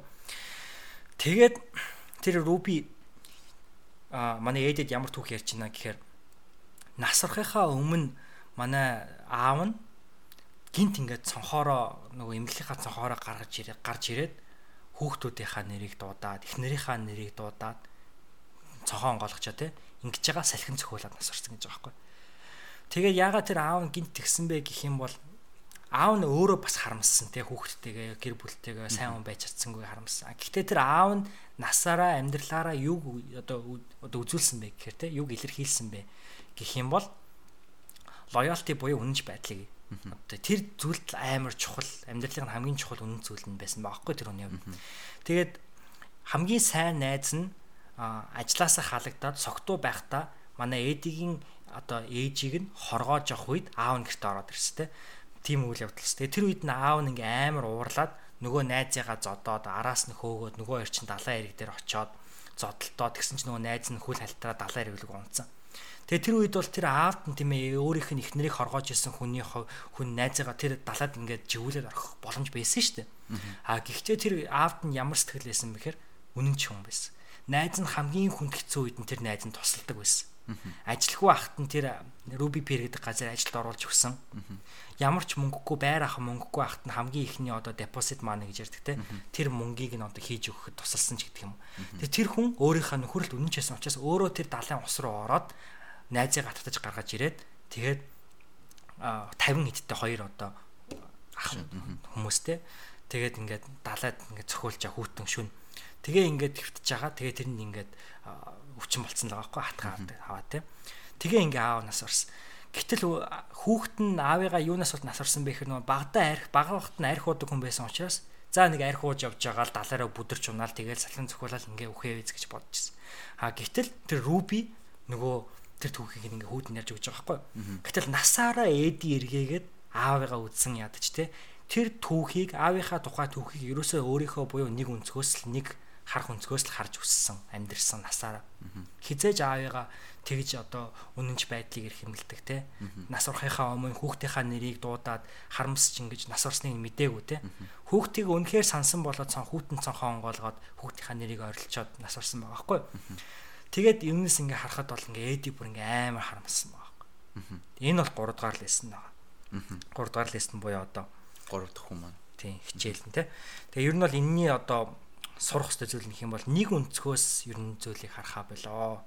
Бусдыг мөн уучлал сур. Тэгээ уур гэдэг бол хоёр эртэ хутга гэдэг гол санаа байсан чи хүнд одоо уурлаад хүнийг үзэн ядаад байх юм бол нөгөө хүнийгаа чи ингээл одоо уурлаад нөгөө хүн чинь те одоо юу гэдэг би чамд уурлаад байх юм бол ааг ингээл аа бэл хүнээс надад уурлаад ингээд санаа зовхоос зов зов зовж байгаа гэж би бодно штэ уурал гэдэг тийм странс болдог. Гэтэл яг үнэндээ би чамд уурлаж байгаа мөртлөө би эргээгээд өөрөө өөрийгөө л зовоож өөрийгөө зовоож тэгэхээр ер нь бол тэрийг эртхэн уучлж өгшөө өөрийгөө өгшөө гэдэг санаа байгаа байхгүй? За дөрөвдүгээр хүн нь болохоор маргурит гэдэг өөрийнх нь ихнэр байгаа эхнэрийнхэн түүхийг би товч ярих гэж бодож байна. Яагаад гэвэл энэ түүх нь бол маш тодорхой түүх байсан. Ерөөсөө л хайр гэдэг бол а ямар ч шалтгаангүй улмаас ирнэ хүнийг хайрлалт юм байна гэж би бодсон. Яагаад гэвэл тэр хоёр тодорхой одоо эрүүл мэндийн а янз бүрийн амьдралын драмагийн те. За тэгээд эдийн засгийн янз бүрийн шалтгаанаас болоод хүүхдтэй болж чадахгүйсэн. А хүүхдтэй болж чадаагүй болохоос хүүхд үргэе гэж бодсон. А мөн адил шалтгаануудын олмоос болоод хүүхд үргэж чадаагүй. Тэгээд нөхөр нэг удаа одоо харамсаа те нэг 40 50 хүрж явах шүргэж явах үедээ эхнэрээсээ хоёулаа хүүхд өргөхөө яах юм бэ гэсэн чинь одоо хоёулаа хүүхд өсгөхөд арай хөвшөртсөн байна гэдгсэн. Тэгээд эхнэр нь өөрөө 47 наснда тархины орд авдраас болоод нас орчиж байгаа байхгүй. Тэгээд өөрөө 47 наснд нь нас орсон гэж эди өөрөө адилхан настай байгаа шүү дээ тэр хавцаа. Тэгэхээр өөрөө дараагийн одоо 40 жил ганц би амьдэрсэн. А тэгээд тэр ганц би амьдрахтаа дахиж одоо хүнтэй гэрлээгүй. Насаараа л тэр одоо Маргарит гэдэг тэр эмгтэйгээ ингэж зүудэлж бодож хайрлаж амьдрсан байгаа хгүй. Тэгээ тэр одоо диваачнд уулзж байгаа тэр таван хүнийх нь хамгийн одоо удаан байхыг хүссэн хүн нь эхнэр нээсэн мэдээж хэрэг. Яагаад тэгэхээр асрах сайхан мэдрэмж авсан тэ эхнэртэйгээ эргээд уулзсан. Тэгээ үүнээс би зүгээр юг харсан бэ гэхээр өнөөдөр хоёр хүн нийлээд гэр бүл болоод хүүхд төрүүлэх гээд амьдардаг гэж бодож болно. Гэтэл өнөөдөр энэ хоёрын одоо хайрын түгээс харах юм бол тэр хоёрын хувьд бол хүүхд төрүүлэх хичнээн зорилго нь байсан ч гэсэндэ хүүхд төрүүлж чадаагүй ч гэсэндэ тэр хоёр бие бинийгээ хайрласаар л тэр хайрын түүх одоо өндөрлсөн. Өндөрлсөн ч өндөрлөөчгүй яг үндэ үргэлжлсээр байсан. А гэхдээ юу гэдгийг за чи хүүхд төрүүлж чадсангүй миний амьдрал ингээд дууслаа гээгүй те. А би одоо хүүхд төрүүлж авч чадсангүй ингээд бас харамсаагүй Тэгэхээр ер нь бол хайр гэдэг бол ямар нэгэн шалтгаан тайгаан одоо бит хоёр одоо одоо хоёр хүн гэрлээд хүүхэдтэй болоод тэр хүүхэд гэдэг зүйл нь тэр хоёрын гэрлэлтийн шалтгаан биш те. Тэр хайр нь гэрлэлтийн шалтгаан байсан баг. Тэгэхээр ямар нэгэн өөр хүн ямар нэгэн өөр хүчин зүйл болгоод хайрын хүч биш юм байна гэдэг ийм санаа гэж би бодсон. Гайхамшигтай. За тэгээ хамгийн сүүлийн хүн болохоор нөгөө нэг охин баг. Тэгээ тэр нь ямар охин бэ гэх юм бол энэ түүхийг дараа 24 дахь дугаар дээр амар гоё ярьсан. Тэгээ би зөвхөн тооч сануулах юм бол юу байсан бэ гэх юм бол нөгөө нэг гал дунд те нөгөө шатж байгаа гал дунд байсан 3 4 дан 5 настай хүүхд энэ сүүдэр бол таала гэд Филиппийн охины сүүдэр ирсэн байхгүй. Тэгээ тэр Филиппийн охин 5 дахь хүн нь те диваажинд уулзж байгаа. Тэгээ тэр охин амар ингээд юун хоолоор юун хоолоогоор ийм одоо саарл хоолоогоор гэдэг шүү дээ. Монотон хоолоогоор та намайг шатаасан гэж хэлсэн байхгүй. Тэгэл тэр үед эди ингээл цөхрөөл цөхрөөл би ястаа уучлаарай ингээд намайг өөр ямар ч аргаагүй гэд ингэсэн. А таалаа хажууд нь оронд нь юу хэлсэн гэх юм бол та намайг одоо тэр үед ингээ алсан ч гэсэндэ та одоо диваажинд байгаа шалтгаан нь юу вэ гэх юм бол насаараа тэр ADP гэдэг газар AD ямар ажил хийсэн бэ гэхээр засварчин байсан. Насаараа тэр хүүхдийн тоглоомын одоо хүүхдийн тоглоомуудыг засаж амьдэрсэн тий. Тэгэхээр тэр бол насаараа олон хүүхдүүдийн амийг аварсан байгаа байхгүй. Тэгээд яг нас орох үзэгдлийг нь магадгүй кино хийгээд харуулах юм бол тэр айх зургай үзэгдэл бас ягаад гэвэл гинт эди маань ингээд асар олон ингээд хүүхдүүдийн ингээд өмнө өөрийнх нь одоо залуугаас ахуурлаад одоо хүртэл амьдарч байгаа бүх хүүхдүүдийг хүүхэн бүх хүмүүсийг те хүүхэд төрхөөр нь харж ийн гэж байгаа байхгүй. Тэгээ нөгөө хүүхдүүд нь энд энэ шуугилдаал инээлдэл те тэр хүүхдүүдийн өнөөдөр байгаа амьд байгаа тэр шалтгаан тэр хүмүүсийн урт удаан аж төрсөн тэр шалтгаан тэр хүүхдийн тоглоомын парк тэр үхээгүй тэр шалтгаан нь эди байсан. Тэгэхээр ер нь бол тэр хамгийн том лесэн байгаа байхгүй. Өнөөдөр хүн насаараа би юу ч хийж амьдраагүй те би ям би яагаад энэ диваажинд байх хэвээр юм? гэд яг өнөөдрийн чи яагаад миний ярилцлаганд үгүй гэж лээ те? Би өөрийгөө үнэлэхгүй байна. Юу гэдэг би арай болоогүй байна гэж тийм утга санаатай зүйл хэлж штэ гэтэл яг үнэндээ хүн өөрийгөө үнэлвэл зөндөө юм хийсэн байдаг тэр нь л өөрийгөө үнэл өөрийгөө хайрл өөрийгөө уучил гэдэг бол энэ номны санаа байсан. За тэгээд хоёрдугаар асуултанд тооцлох ном хийнэ байла зүйтэй гайхамшигтай. За Тэгээ манай дараагийн асуулт бол бас их гоё асуулт байна. Энэ 7 хоногоос үлдэх хамгийн дурсамжтай сэтгэлийн таашаал хүртсэн зүйл тань юу вэ? Аа. За энэ асуултанд би тооч тодорхой хариулъя. Тэгээд энэ 7 хоногийн амралтаараа дараалт хоёр spring break-ээрээ те Miami явсан. Майами яваад Майами явахаар Флорида мужи руу аялах аяллаа маань дотор төлөвлөсөн байсан нэг аялал нь юу гэх юм бол их газрын Америк улсын хамгийн өмнөд цэг рүү очих байсан. Тэр өмнөд цэг рүү очихын тулд Key West гэдэг хот руу очдог. Тэр Key West гэдэг хот руу очихын тулд Keys Islands буюу тэр аснаар олон жижиг жижиг арлуудаар дайрж мөрдөг. Тэгээ нэг нийтдээ бол тасалдгүй яхан бол нэг 3 цаг 30 минутын зам байд юм бил 3 цаг орчим. А бит хоёр бол нэлээд бүглэрсэн. Айгу удаан явсан. Тэр удаан явж явах хугацаанд Нямин 8 подкастаа сонсож явсан. Тэр нь айгу гоё байсан. А Гэтэ энэ асуултанд онцлог тэтгэлийн таашаал хүртсэн зүйл нь юу гэх юм бол дараад хоёр Key West буюу тэрхүү хамгийн баруун одоо өмнөд хот дээр очичоод parasailing буюу шүхрээр онгоцсон дээрээс нисэх тийм одоо зүйл хийсэн баггүй. Тэгээ ингээ нөгөө нэг шүхэр ингээд нуруунаас нь бэхлээд тэгээ ингээ завин дээрээс чамайг суллаад нөгөө завч нь хурдан завтай. Тэгээ амар хурдан давхаад тэгээд чамайг агаар дээр хөргөөд утсаа баг багаар суллаад ингээ өндөрт хөргөдөг. Тэгээ бит хоёр а тэр моментийг илүү enjoy хийхин тулд гэдэг юм уу ер нь утсаа авч гараагүй утсаа авч гарах сонголт бол байдаг. А тэр сонголт утсаа авах сонголт хийх юм бол ер нь миний бодлоор бит хоёр энэ мэдрэмжийг мэдрэхгүй байсан баг. Тэр мэдрэмж нь юу байсан бэ гэх юм бол бит хоёрыг далайд албаар бар унгаас авахгүй. Гэтэ мэдээч хэрэг нөгөө аврах хантаа зүтсэн байгаа тийм. Тэгээ ингээд нөгөө хүмүүс чинь ингээд шууд завныхаа чиглэлийг өөрчлөөд бит хоёрыг ингээд тэр шүхүртэй хамт ингээд далайраа унгаас боддоо их газрын Америк улсын хамгийн өмнөд цэг дээр нь очичоо тэр далай руу те шууд ингээд биеэр орж байгаа. Тэгээд тэр далайн ус ингээд шууд амнаа тандгаж байгаа байхгүй. Тэгээд би амьдралдаа анх удаа тэр далайн усыг амталж байгаа. Ямар ах вэ? Давстай. Давслаг. Амар гоё. Би бүр амттай хоол идчихэж байгаа юм шиг санагдсан гэдэг. Тэгээд тэр үед нь бит хоёр дараа нь ингээд бичлэг хийсэн байхгүй тэр компани. Бичлэгээ хийж байхдаа бит хоёр гар гараас хөтөлцөө тэр далаар орсон юм байлээ. Тэгэхээр бит хоёр бол тэр бол одоо юу гэх юм амьдралдаа мартагдахааргүй тийм гоё сэтгэлийн таашаал хүртсэн зүйл байсан. Далаа бас амтлна гэдэг бол ураа надад энэ сэтгэлийн таашаалыг мэдрүүлсэн зүйл байсан. Гайхан шигтэй. Би бүр тэр нэг ингээд бичлэгийг үзсэн ч гэсэн ингээд чамаг ярангуут ингээд төсөөлүүлсэн. За. За одоо ингээд дараагийн дөрөв дэх асуулт маань явж байна. Тэгээ дөрөв дэх асуулт нь юу вэ гэхлээр Таны хувьд энэ 7 хоногоос онцлох дадал зуршил дих тань юу вэ? За энэ 7 хоногод бас аялалтайгаар холбож яриа гэж бодож байна. Тэгээд аялсны хувьд бол янз бүрийн одоо dig рутин янз бүрийн юм бол хийгээгүй мэдээж хэрэг. Гэтэ ер нь бол dig рутин гэдэг бол энэ бол өдөр болон тавцсан зүйл шүү дээ.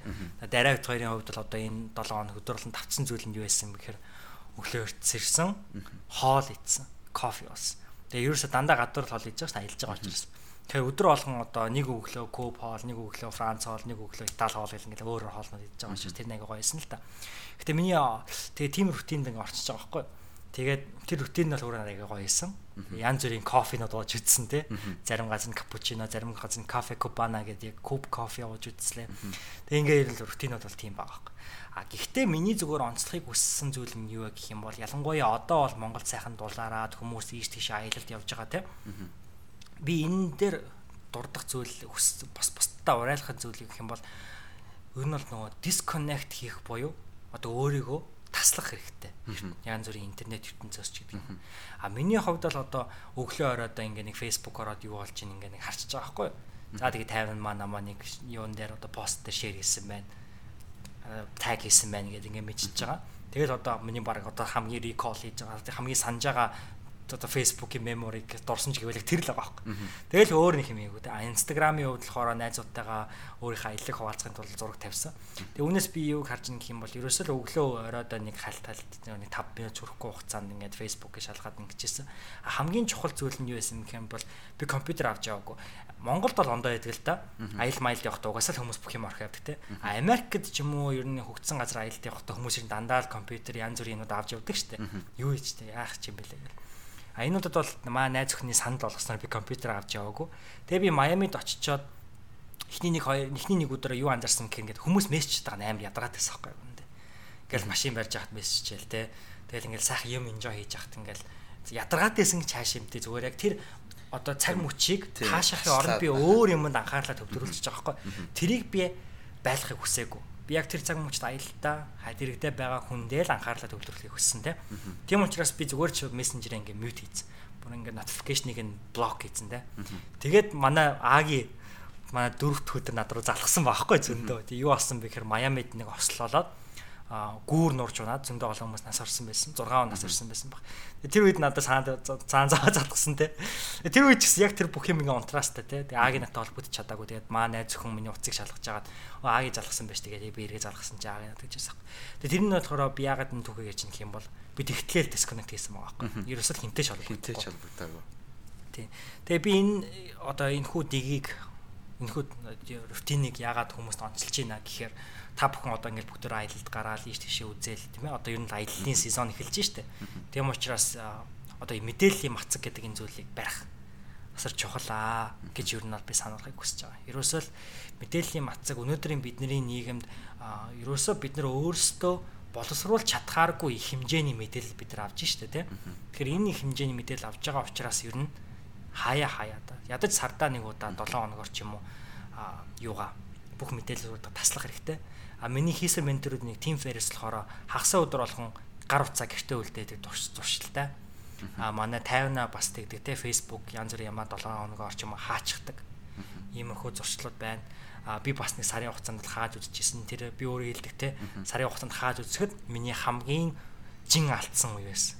Ягаад тэрийг ягаад бодох жин алдсан бэ гэх юм бол мэдээл Facebook ухаж ч юм уу өөр юм уншиж тийм ээ Instagram үзхийн оронд хүмүүстэй харилцахын оронд би өөр дээрээ л ажиллаж байсан аахгүй. Хоёулаа тэр үед хамт амьдарч байсан тэ чи мэдж байгаа би хичээлээсээ ирээл тэгэл гараал гүйдэг байсан тийм. Яг л хэрэг нам өөр стар болох зүйл байхгүй аахгүй. Агийг л сатаар болно нэр.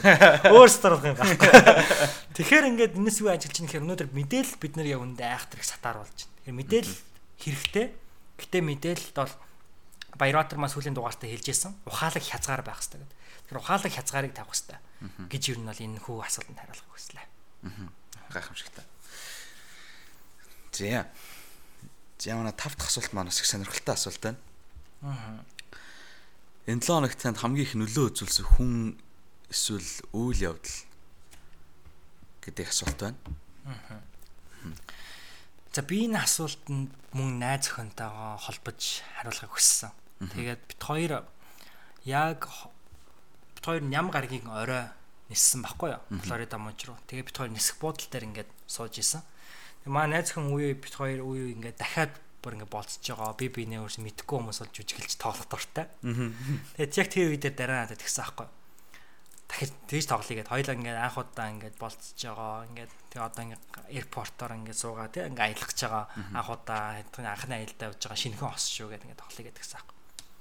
Тэг би тэр үед ягаад ч ингээд өмнө нь их амар одоо сериосны хөтэж авдаггүй байсан мөртлөө тэр үед би үнэхээр бүр ингээд чин сэтгэлээс яг тийм мэдрэмжийг авахыг хүсээд бит хоёр нэг бараг минут хүрэхгүй хугацаанд ч байна зүгээр л тэгж ажиллаж байгаа байхгүй.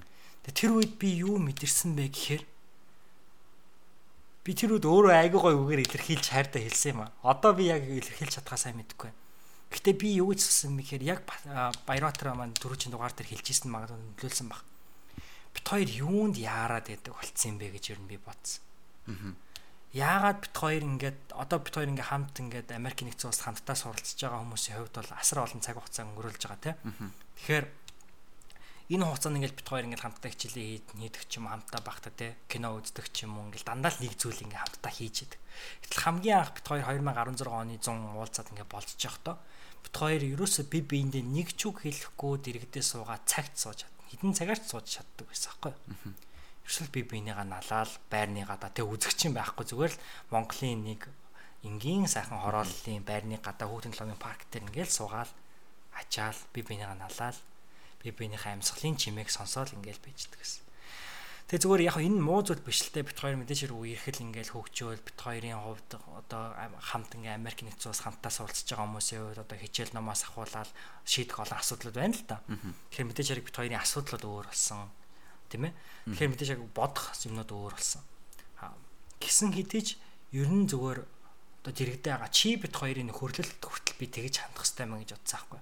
Анхандаа чи бит хоёр би би бинийг анх мэдээлтэй 10 хэдэн настай бацканууд байх та тий.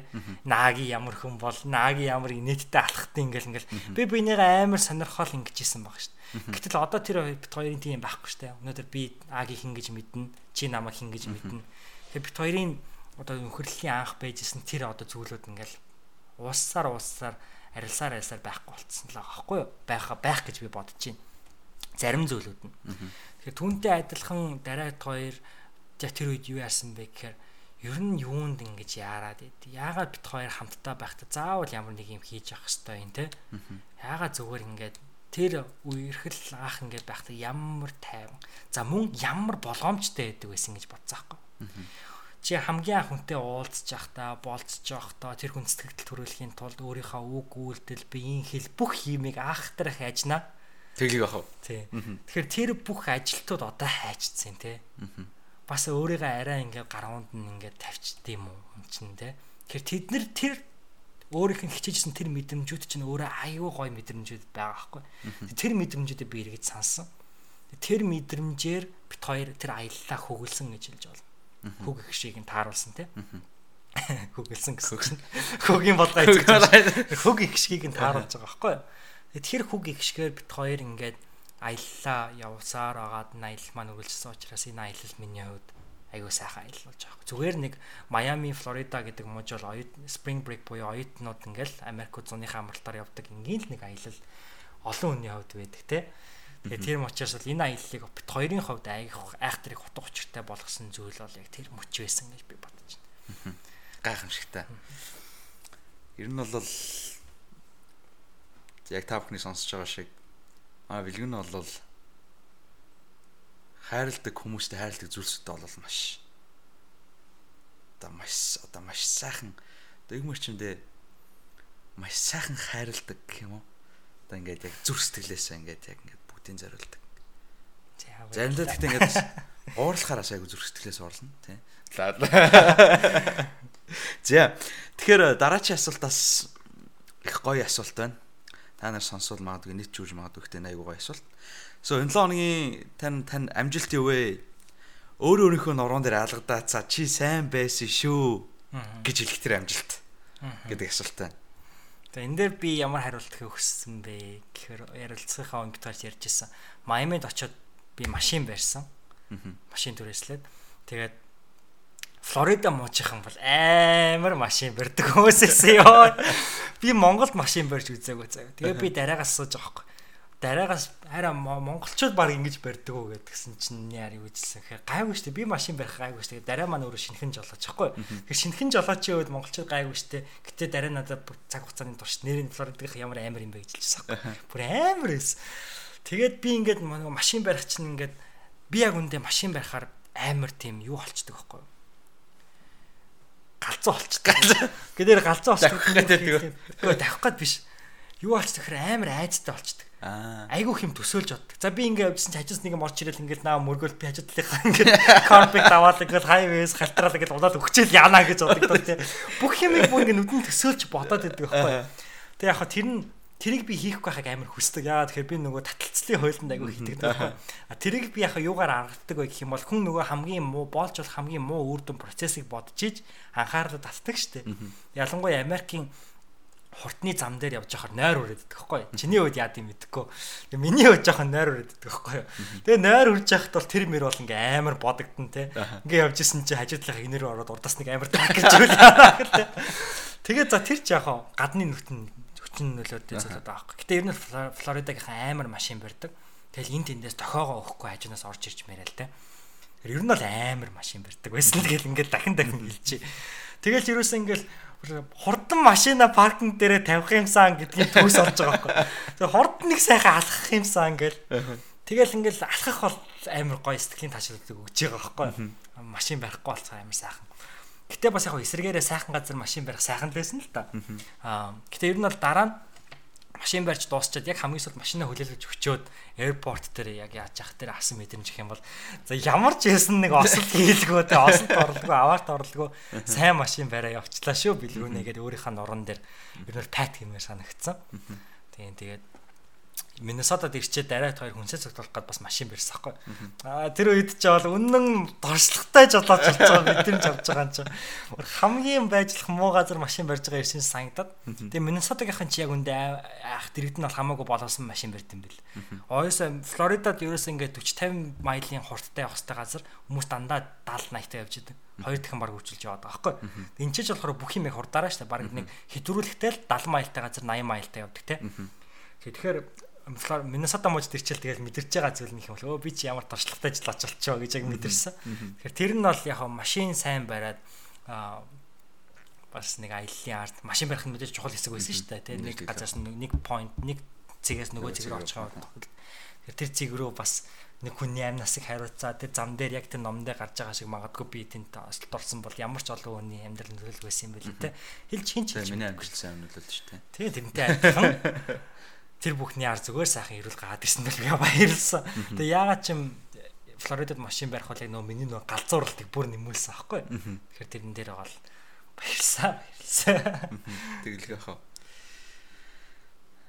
би яг чамайг ингээд яриа сууж хат ингээд тосолд орлохгүй ингээд тосол гаргалгүй ирлээ.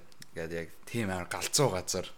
Дамшин бариад ирсэн гэж сонсож нөө нэг чиний нөө ярьсан номны хүмүүс санаанд ороод байгаа байхгүй. Яг нөө нэг like everything бүх зүйл гэ шалтгааны болноос ингэж болж идэг.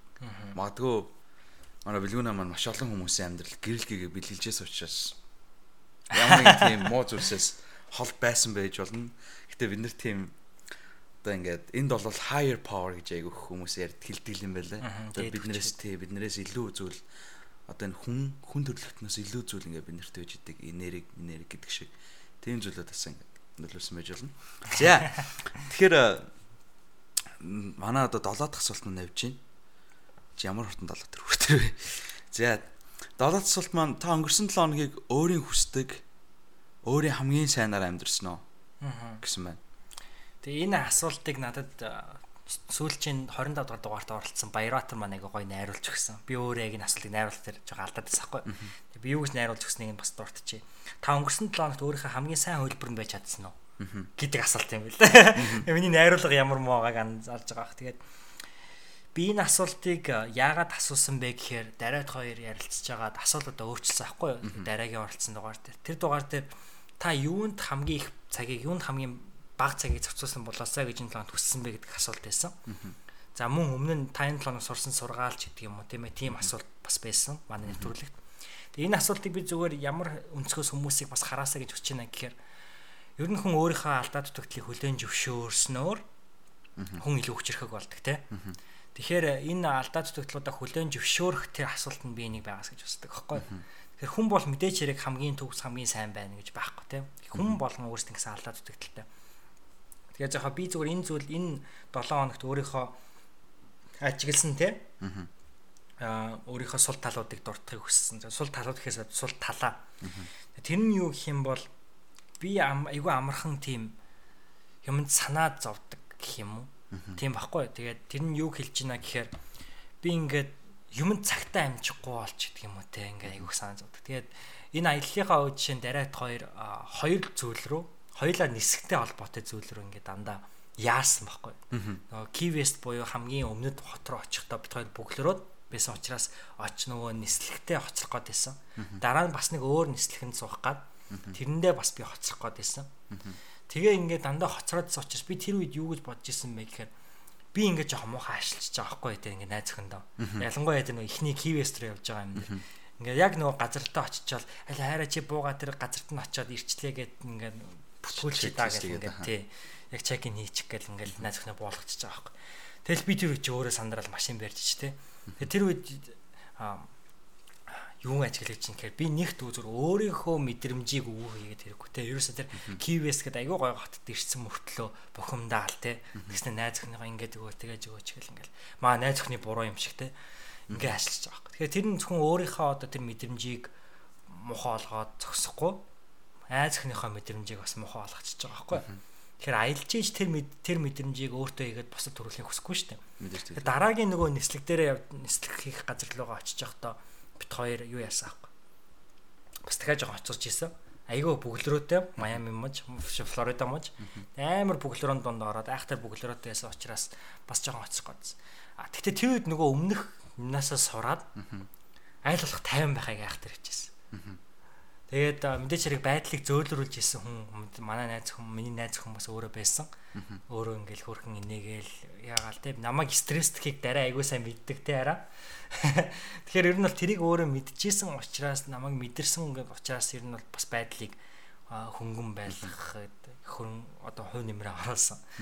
Би ч гэсэн өөрөө тэрэн дээр их анзаарч исэн айл болох бухимдахгүй байхыг бол хичээж исэн. Тэгэхээр ер нь л энэ миний сүүлийн үед сүүлийн үед биш нь өөр өөр сайг хажигладаг зүйл ахгүй чи гэсэн мэдж байгаа л би зөндөөл янз бүрийн зүйл жижиг зүйл төр ингээ бухимдаад идэг. Тэгэхээр энэ дээрээ би нэг тэгж алдсан. А гэтээ нэг засахын тулд бол нэг иймэрхүү үйлдэл гаргасан. Тэгэхээр ингэж хичээсэн маань өөрөө биеийн 7 хоногт өөрийнхөө сайн хэлбэр байх гэж хичээсэн гэдэг үг юм болов. Би энэ дээр зүгээр ганц зүйл нэмээд хэлхийг хүсэж байгаа зүйл нэг юу гэх юм бол би сүүлийн үед инэрх буюу англиар compassion гэж хэлдэг те. Монгол хэлний орчуулд инэрх гэдэг хамгийн зөв үг юм болов гэж бодоод байгаа. Тэр хүн бусдыг хийгээд өөрийгөө айгүйх инэрх хэрэгтэй гэж бодож байна. Тэр хүн болгонд л алдаа гаргадаг те. Хүн болгонд л гаргасан алдаа оноо бүх зүйл байгаа. Тэгээ түүнтэй адилхан хүн өөрийгөө инэрч өөрийгөө уучлах Тэгээ сэтгэл зүйн салбар сүүлийн үед өөрийгөө инэрх гэдэг энэ салбарыг одоо positive psychology гэдэг чинь тийм эрэг psychology-д эрэг сэтгэл зүйд юу гэж хэмбэрл инэрнэ гэдэг өөрөө сэтгэлийн өрөөг өгдөг гэж байгаа байхгүй. Сэтгэлийн өрөөг өгнө юу юу гэж байна гэх юм бол хүн ингээд нэг алдаа гаргачаа тий. За би ингээл ерөөсөө ингээл алдчихлаа. Би болохгүй байх, бүтэхгүй байх ингээд ингэчих юм бол тэр сэтгэлгээндээ чи гацаад өөрийгөө одоо илүү хөгжүүлэх тэр алдаагаа засах боломжоо өөртөө өгдөггүй өөртөө олгодоггүй.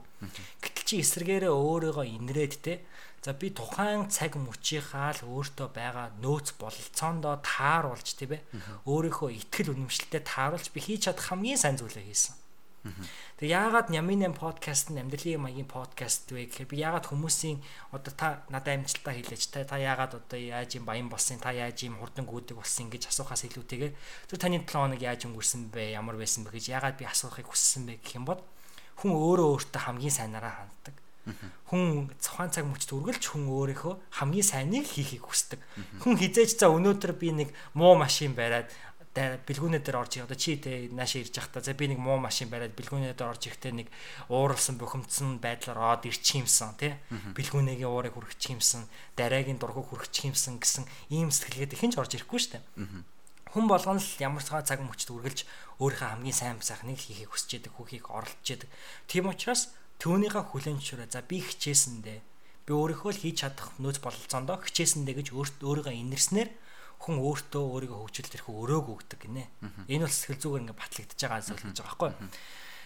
Тэгэхээр би зүгээр сонсогч нартаа энийг яагаад хэлж байна гэх юм бол би ийм алдаатай те амархан бухимддаг ийм алдаатай хоцорж моцорхот те. А би гэтээ ингэж засах гэж оролцсон. А надад хөгжүүлэх дахиад зөндөө орон зай дахиад зөндөө дутагдал байгаа. Үүн дээрээ би ажиллана а гэтээ би хичээж байгаа ингэж би өөрийгөө хүлээн зөвшөөрсөн өөрийгөө инэрснээр а тэрхүү өрөөгөл би өөртөө өгж байгаа байхгүй Тэр өөрөө өөртөө өрөөг өгөөрэй гэж хүсэж байна. Гайхамшигтай. Зя тэгэхээр манай бэлгүүн аав их сайхан их зэгцтэй айгу гоё хариултуудыг өгч байна. Баярлалаа. Сонсоо сууж байгаа хувьд бол асуултаа асуучаа сонсоо сууж байгаа хувьд бол яг тийг сайхан сонсогдож байна. За тэгэхээр нэвтрүүлгийн маань под нэвтрүүлэг гэхээс илүү подкастын маань хамгийн сүүлийн асуулт дээр ирлээ. Нөө нэг надад айгуу гонхтой байна. Тэгээд ямар асуулт вэ гэхлээр подкастаа маань нууц асуулт байгаа. Тэгээд нууц асуулт гэдэг нь бол манай хөтлөгчд магадгүй тэ ирээдүйд надаас өөр олон хөтлөгчүүд байхыг үгүйсэхгүй. Хөтлөгчүүд маань өөрсдөө нууц асуултаа ингэж өөрсдөө ингэж гаргаж одоо юу гэдэг нь те бодож санаж сэтгэж одоо ингэж өөрсдөө ингэж оруулж гаргаж ирдэг. Тэгээд би ингээд яг яриг нас сонсоо сууж байхдаа тэгэж асуумаар санагдчихэ надад. Юу гэжсмаар санагдсан бэ гэхээр магадгүй сонсогч нар манаас сонсохыг хүсэж иж магадгүй.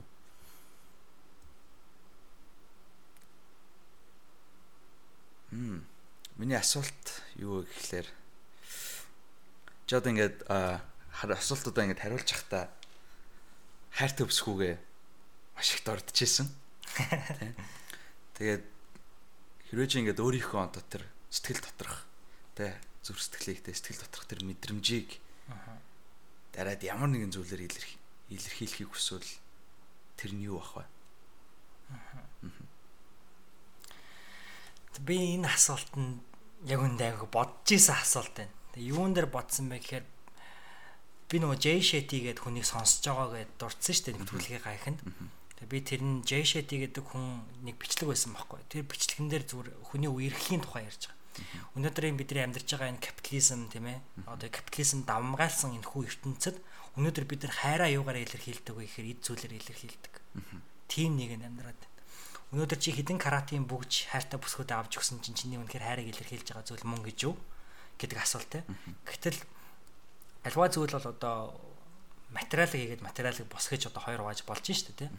Тэгэхээр чиний харуулт нь би зөвхөн юу гэж харуулахыг хүсэж байна гэхээр материалыг бус байдлаар хүн ер нь хайраа илэрхийлэх чухал аа л гэж би бодож байна. Тэгэхээр хүний хайраа илэрхийлэх арга олон л байгаа тий. Зөндөө хүмүүс хэлдэг штэ өнөөдөр найр дулаахан байсан уу даарсан уу гэл ингээд асуудаг гэдэг бол хараа илэрхийлж байгаа нэг хэлбэр гээл ингээд хүмүүс хэлдэг. Энэ бол түгээмэл зүйл. А үүнтэй адилхан хайр бол өөрөөр ар зам байдлуудаар илэрхийлэгддэг гэж би бодож байна. Тэгэхээр зөвөр хүмүүстэй юу захих хүсч нэг хэр хайрыг материалыг гэхээс илүүтэйгээр материалыг бус зүйлээр илэрхийлээсэ гэж хүсэж байна. Тэгээд би дурдж исэн юунд хамгийн талархаж ингээд дараа маань надад хайраа яаж илэрхийлж исэн бэ гэхээр selfless буюу өөрийгөө одоо үгүйсгэж тийм ээ. Надад тэр энэ аялал энэ одоо үерхэл ер нь энэ ерөнхийдөө энэ үерхэл бит хоёрын үерхлийг боломжтой болгож байгаа хүн нь хин бэ гэх юм бол дараа биш би биш бит хоёр хамтдаа штэ. Гэтэл дараа өөрийнхөө гаргаж байгаа тэрхүү бүх одоо effortууд гэдэг тийм ээ. Өөрийнхөө бүхий л тэр хүчин чадал маань чармайлтуудыг үгүйгээд надад талархаж байгаа нь тэр хүн өөрөө өөрийгөө үүсгэж байгаа байхгүй. Би яг self esteem монголоор өөрөө өөрийгөө одоо үүсгэх гэж орчуулад байгаа. Тэгээ өөрөө гэж магадгүй.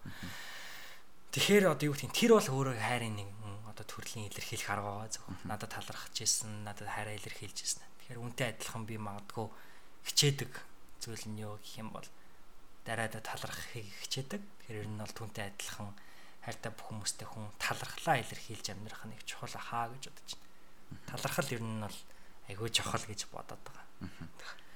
Тийм. За тэгээд миний бэлдсэн чам нэг асуулт байгаа. Аа. Тэгээ энэ асуултыг би яагаад асуухыг хүссэн бэ гэхээр нөтөлгийнхын бас дурдсан. Бит хоёрын нөхөрлөл 6 7 жил явж байгаа л хэл та. Зарим миний найзуудтай харьцуулах юм бол чи хоёр нөхөрлөл богино. Тийм ээ. Би чамаас илүү олон жил найзалсан нөхөрлсөн дотны найзууд байгаа. А мөн чамаас богино найзалсан найзууд ч надад байгаа. А гэхдээ Аги бит хоёрын зүгээр онцлогийн онцлогийн дурдах юм бол 10 жилдээ нэг ангид байсан. Одоо Америкт хамтдаа нэг хотод нэг мужид амьдарч байна. Тэ? Зөндөө олон зүйлийг хамтдаа туулаад ирсэн. 10 жилд байхдаа хамтдаа ингээл нийгмийн оролцоогоор хөөгөл тэ хүүхдийн оролцооны байгууллагт гишүүн болоод ингээл явж исэн. Тэгэл би Агида ингээл Америк явахаас өмнө ингээл өөрийнхөө өчүүхэн мэддэг орон зайнда тэр үедээ л өөрийгөө том л гэж бодож исэн багтаа ингээл.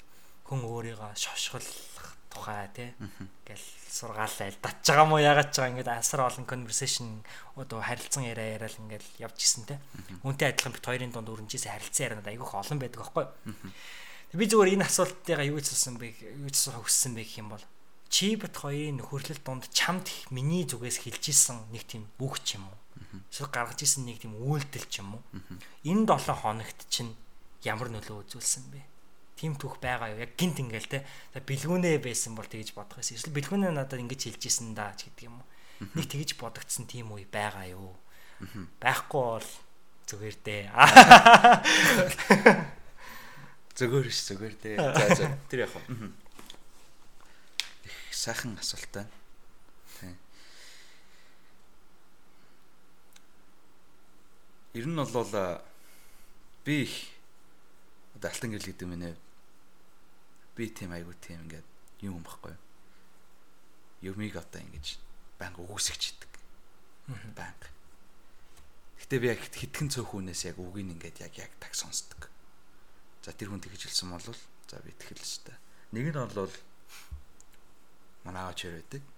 Тэр хоёр үнэг бол би яг яг таг 100 болол дагдаг. Гэтэ яг тас ингээд бол яг 90% та бол яг дагдаг.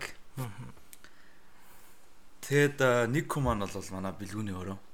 Бэлгүүний хэлж байгаа швтер энэ хөрл бол маш удаа үргэлжилжсэн, үргэлжилжсэн.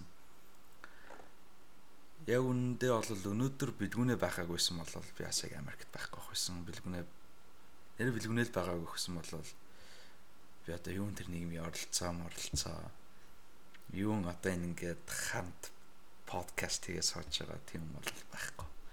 Just like бэлгүүнээр надад яг юу ярина тэр шошиглох тэр ер нь бол бэлгүүнэт ярилцсан бүх тэр одоо маш гүн гүн зэгдэр харилцаараа би бүгдийг яг үнэлэх сандаг. Тэгээд тэрнээс нь би бүгдийг сурахыг хичээд. Ер нь бол миний амьдралд бол тэгэл яг бэлгүүнээр нь юу хэлнэ, юу гэж юм.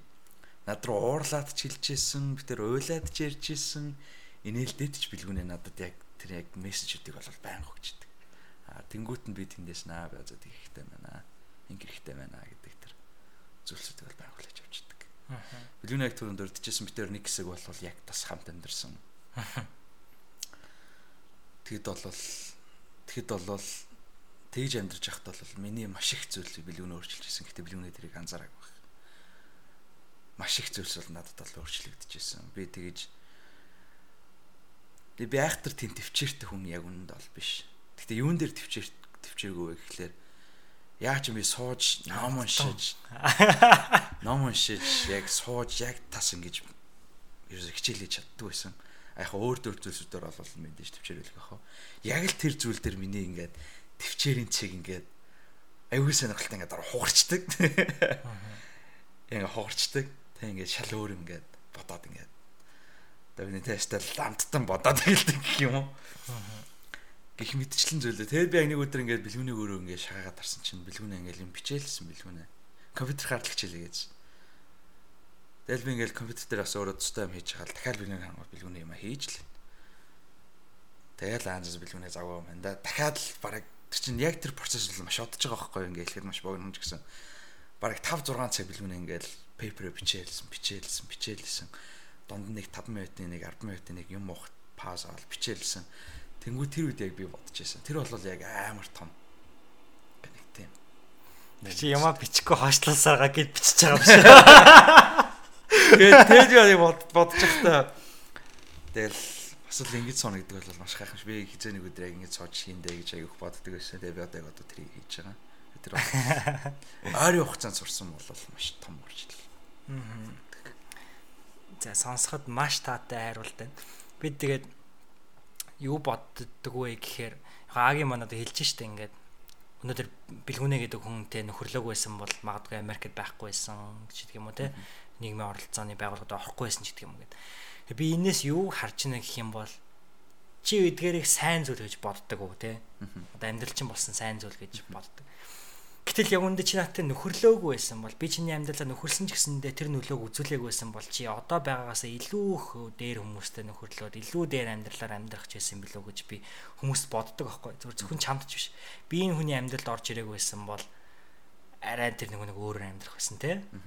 Тэр хүний хүн илүү гоёор амьдрах ч байсан юм уу аль гэж ер нь бол боддог. Тэгээ би яагаад тэрийг тэгж боддог вэ гэхээр бидний бусдад бусдын амьдралд үзүүл үзүүлж байгаа зүгээр өчүүхэн жижигхэн одоо зүйлүүд л асар их нөлөө үзүүлээд идэг те.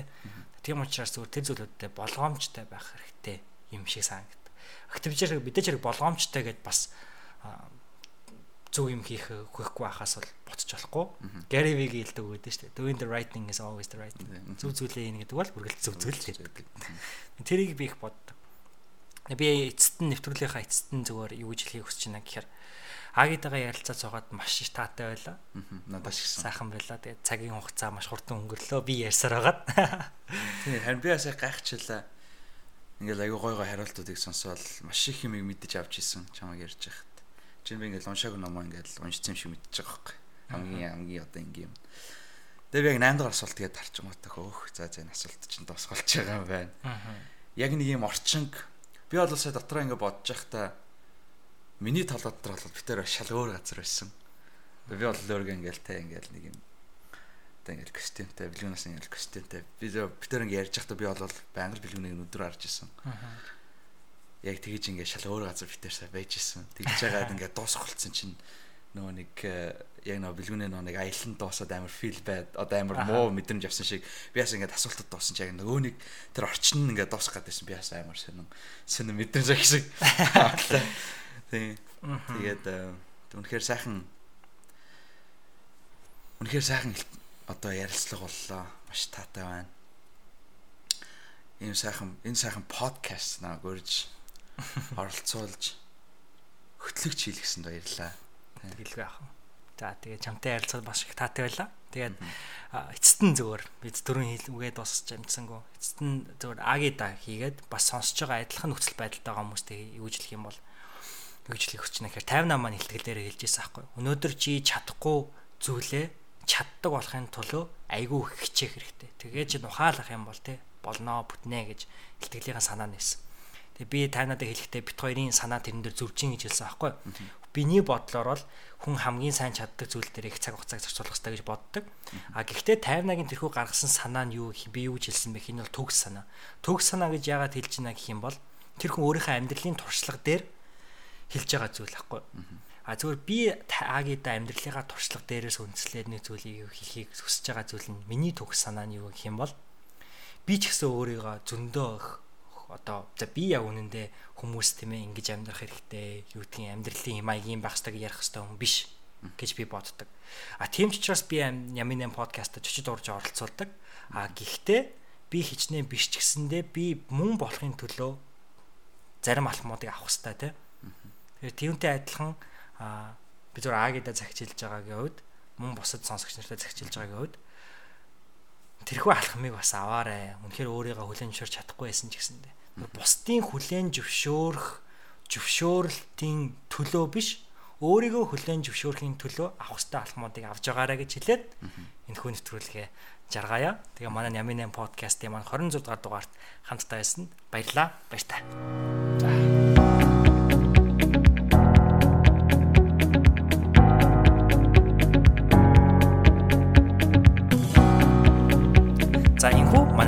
подкастын маань 26 дугаар дугаар энэ хүрээд өндөрлөж байна. Та бүхэн маань энэ удаагийн дугаар маш их таалагдсан гэж итгэж бас найдаж байна. Алтан гэрэл маань яхаа аргагүй гайхалтай хөтлөгч байж чадсан гэж би бас бодож байна. Хэрвээ та бүхэн маань санал нийлж байгаа бол мөн энэхүү дугаар маань таалагдсан бол хэрвээ та энэхүү подкастыг Apple Podcast-д сонсож байгаа бол subscribe хийгээрэй. Мөн аль нэгэн ямар нэгэн өөр програм дээр сонсож байгаа бол дагахаа битгий мартаарай. За мөн хэрвээ та боломжтой бол өөрийнхөө сэтгэлдлийг а оддуудын хамт тийм ээ Stars-ийн хамт Apple iTunes дээр бичиж үлдээх юм бол энэхүү подкастыг илүү олон хүнд түгээхэд маш их хөв нэмэр оруулах юм шүү. Энэхүү подкаст маань энэхүү сэхэтэн подкаст маань зөвхөн Ямин 8 гэдэг контентоос гадна манай тайвнаатай маань хамт хийгддэг тайвнтай хамт номын хэлэлцүүлгийг та бүхэндээ хүргэж эхлэдэг байгаа. Тэгэхээр энэхүү подкастад маань та subscribe хийж дагснаар зөвхөн Ямин 8 гэдэг контентоос гадна 50-тай маань хамт 50-тай хамт номын хэлэлцүүлэг хийгээд бусад ирээдүйн контентуудыг хүлээж авах боломжтой болно. За энхүү надтай хийгээд алтан гэрэлтэй маань хамт байсанд маш их баярлалаа. Дараа дараагийнхаа дугаараар иргэн уулзцаая. Баяртай.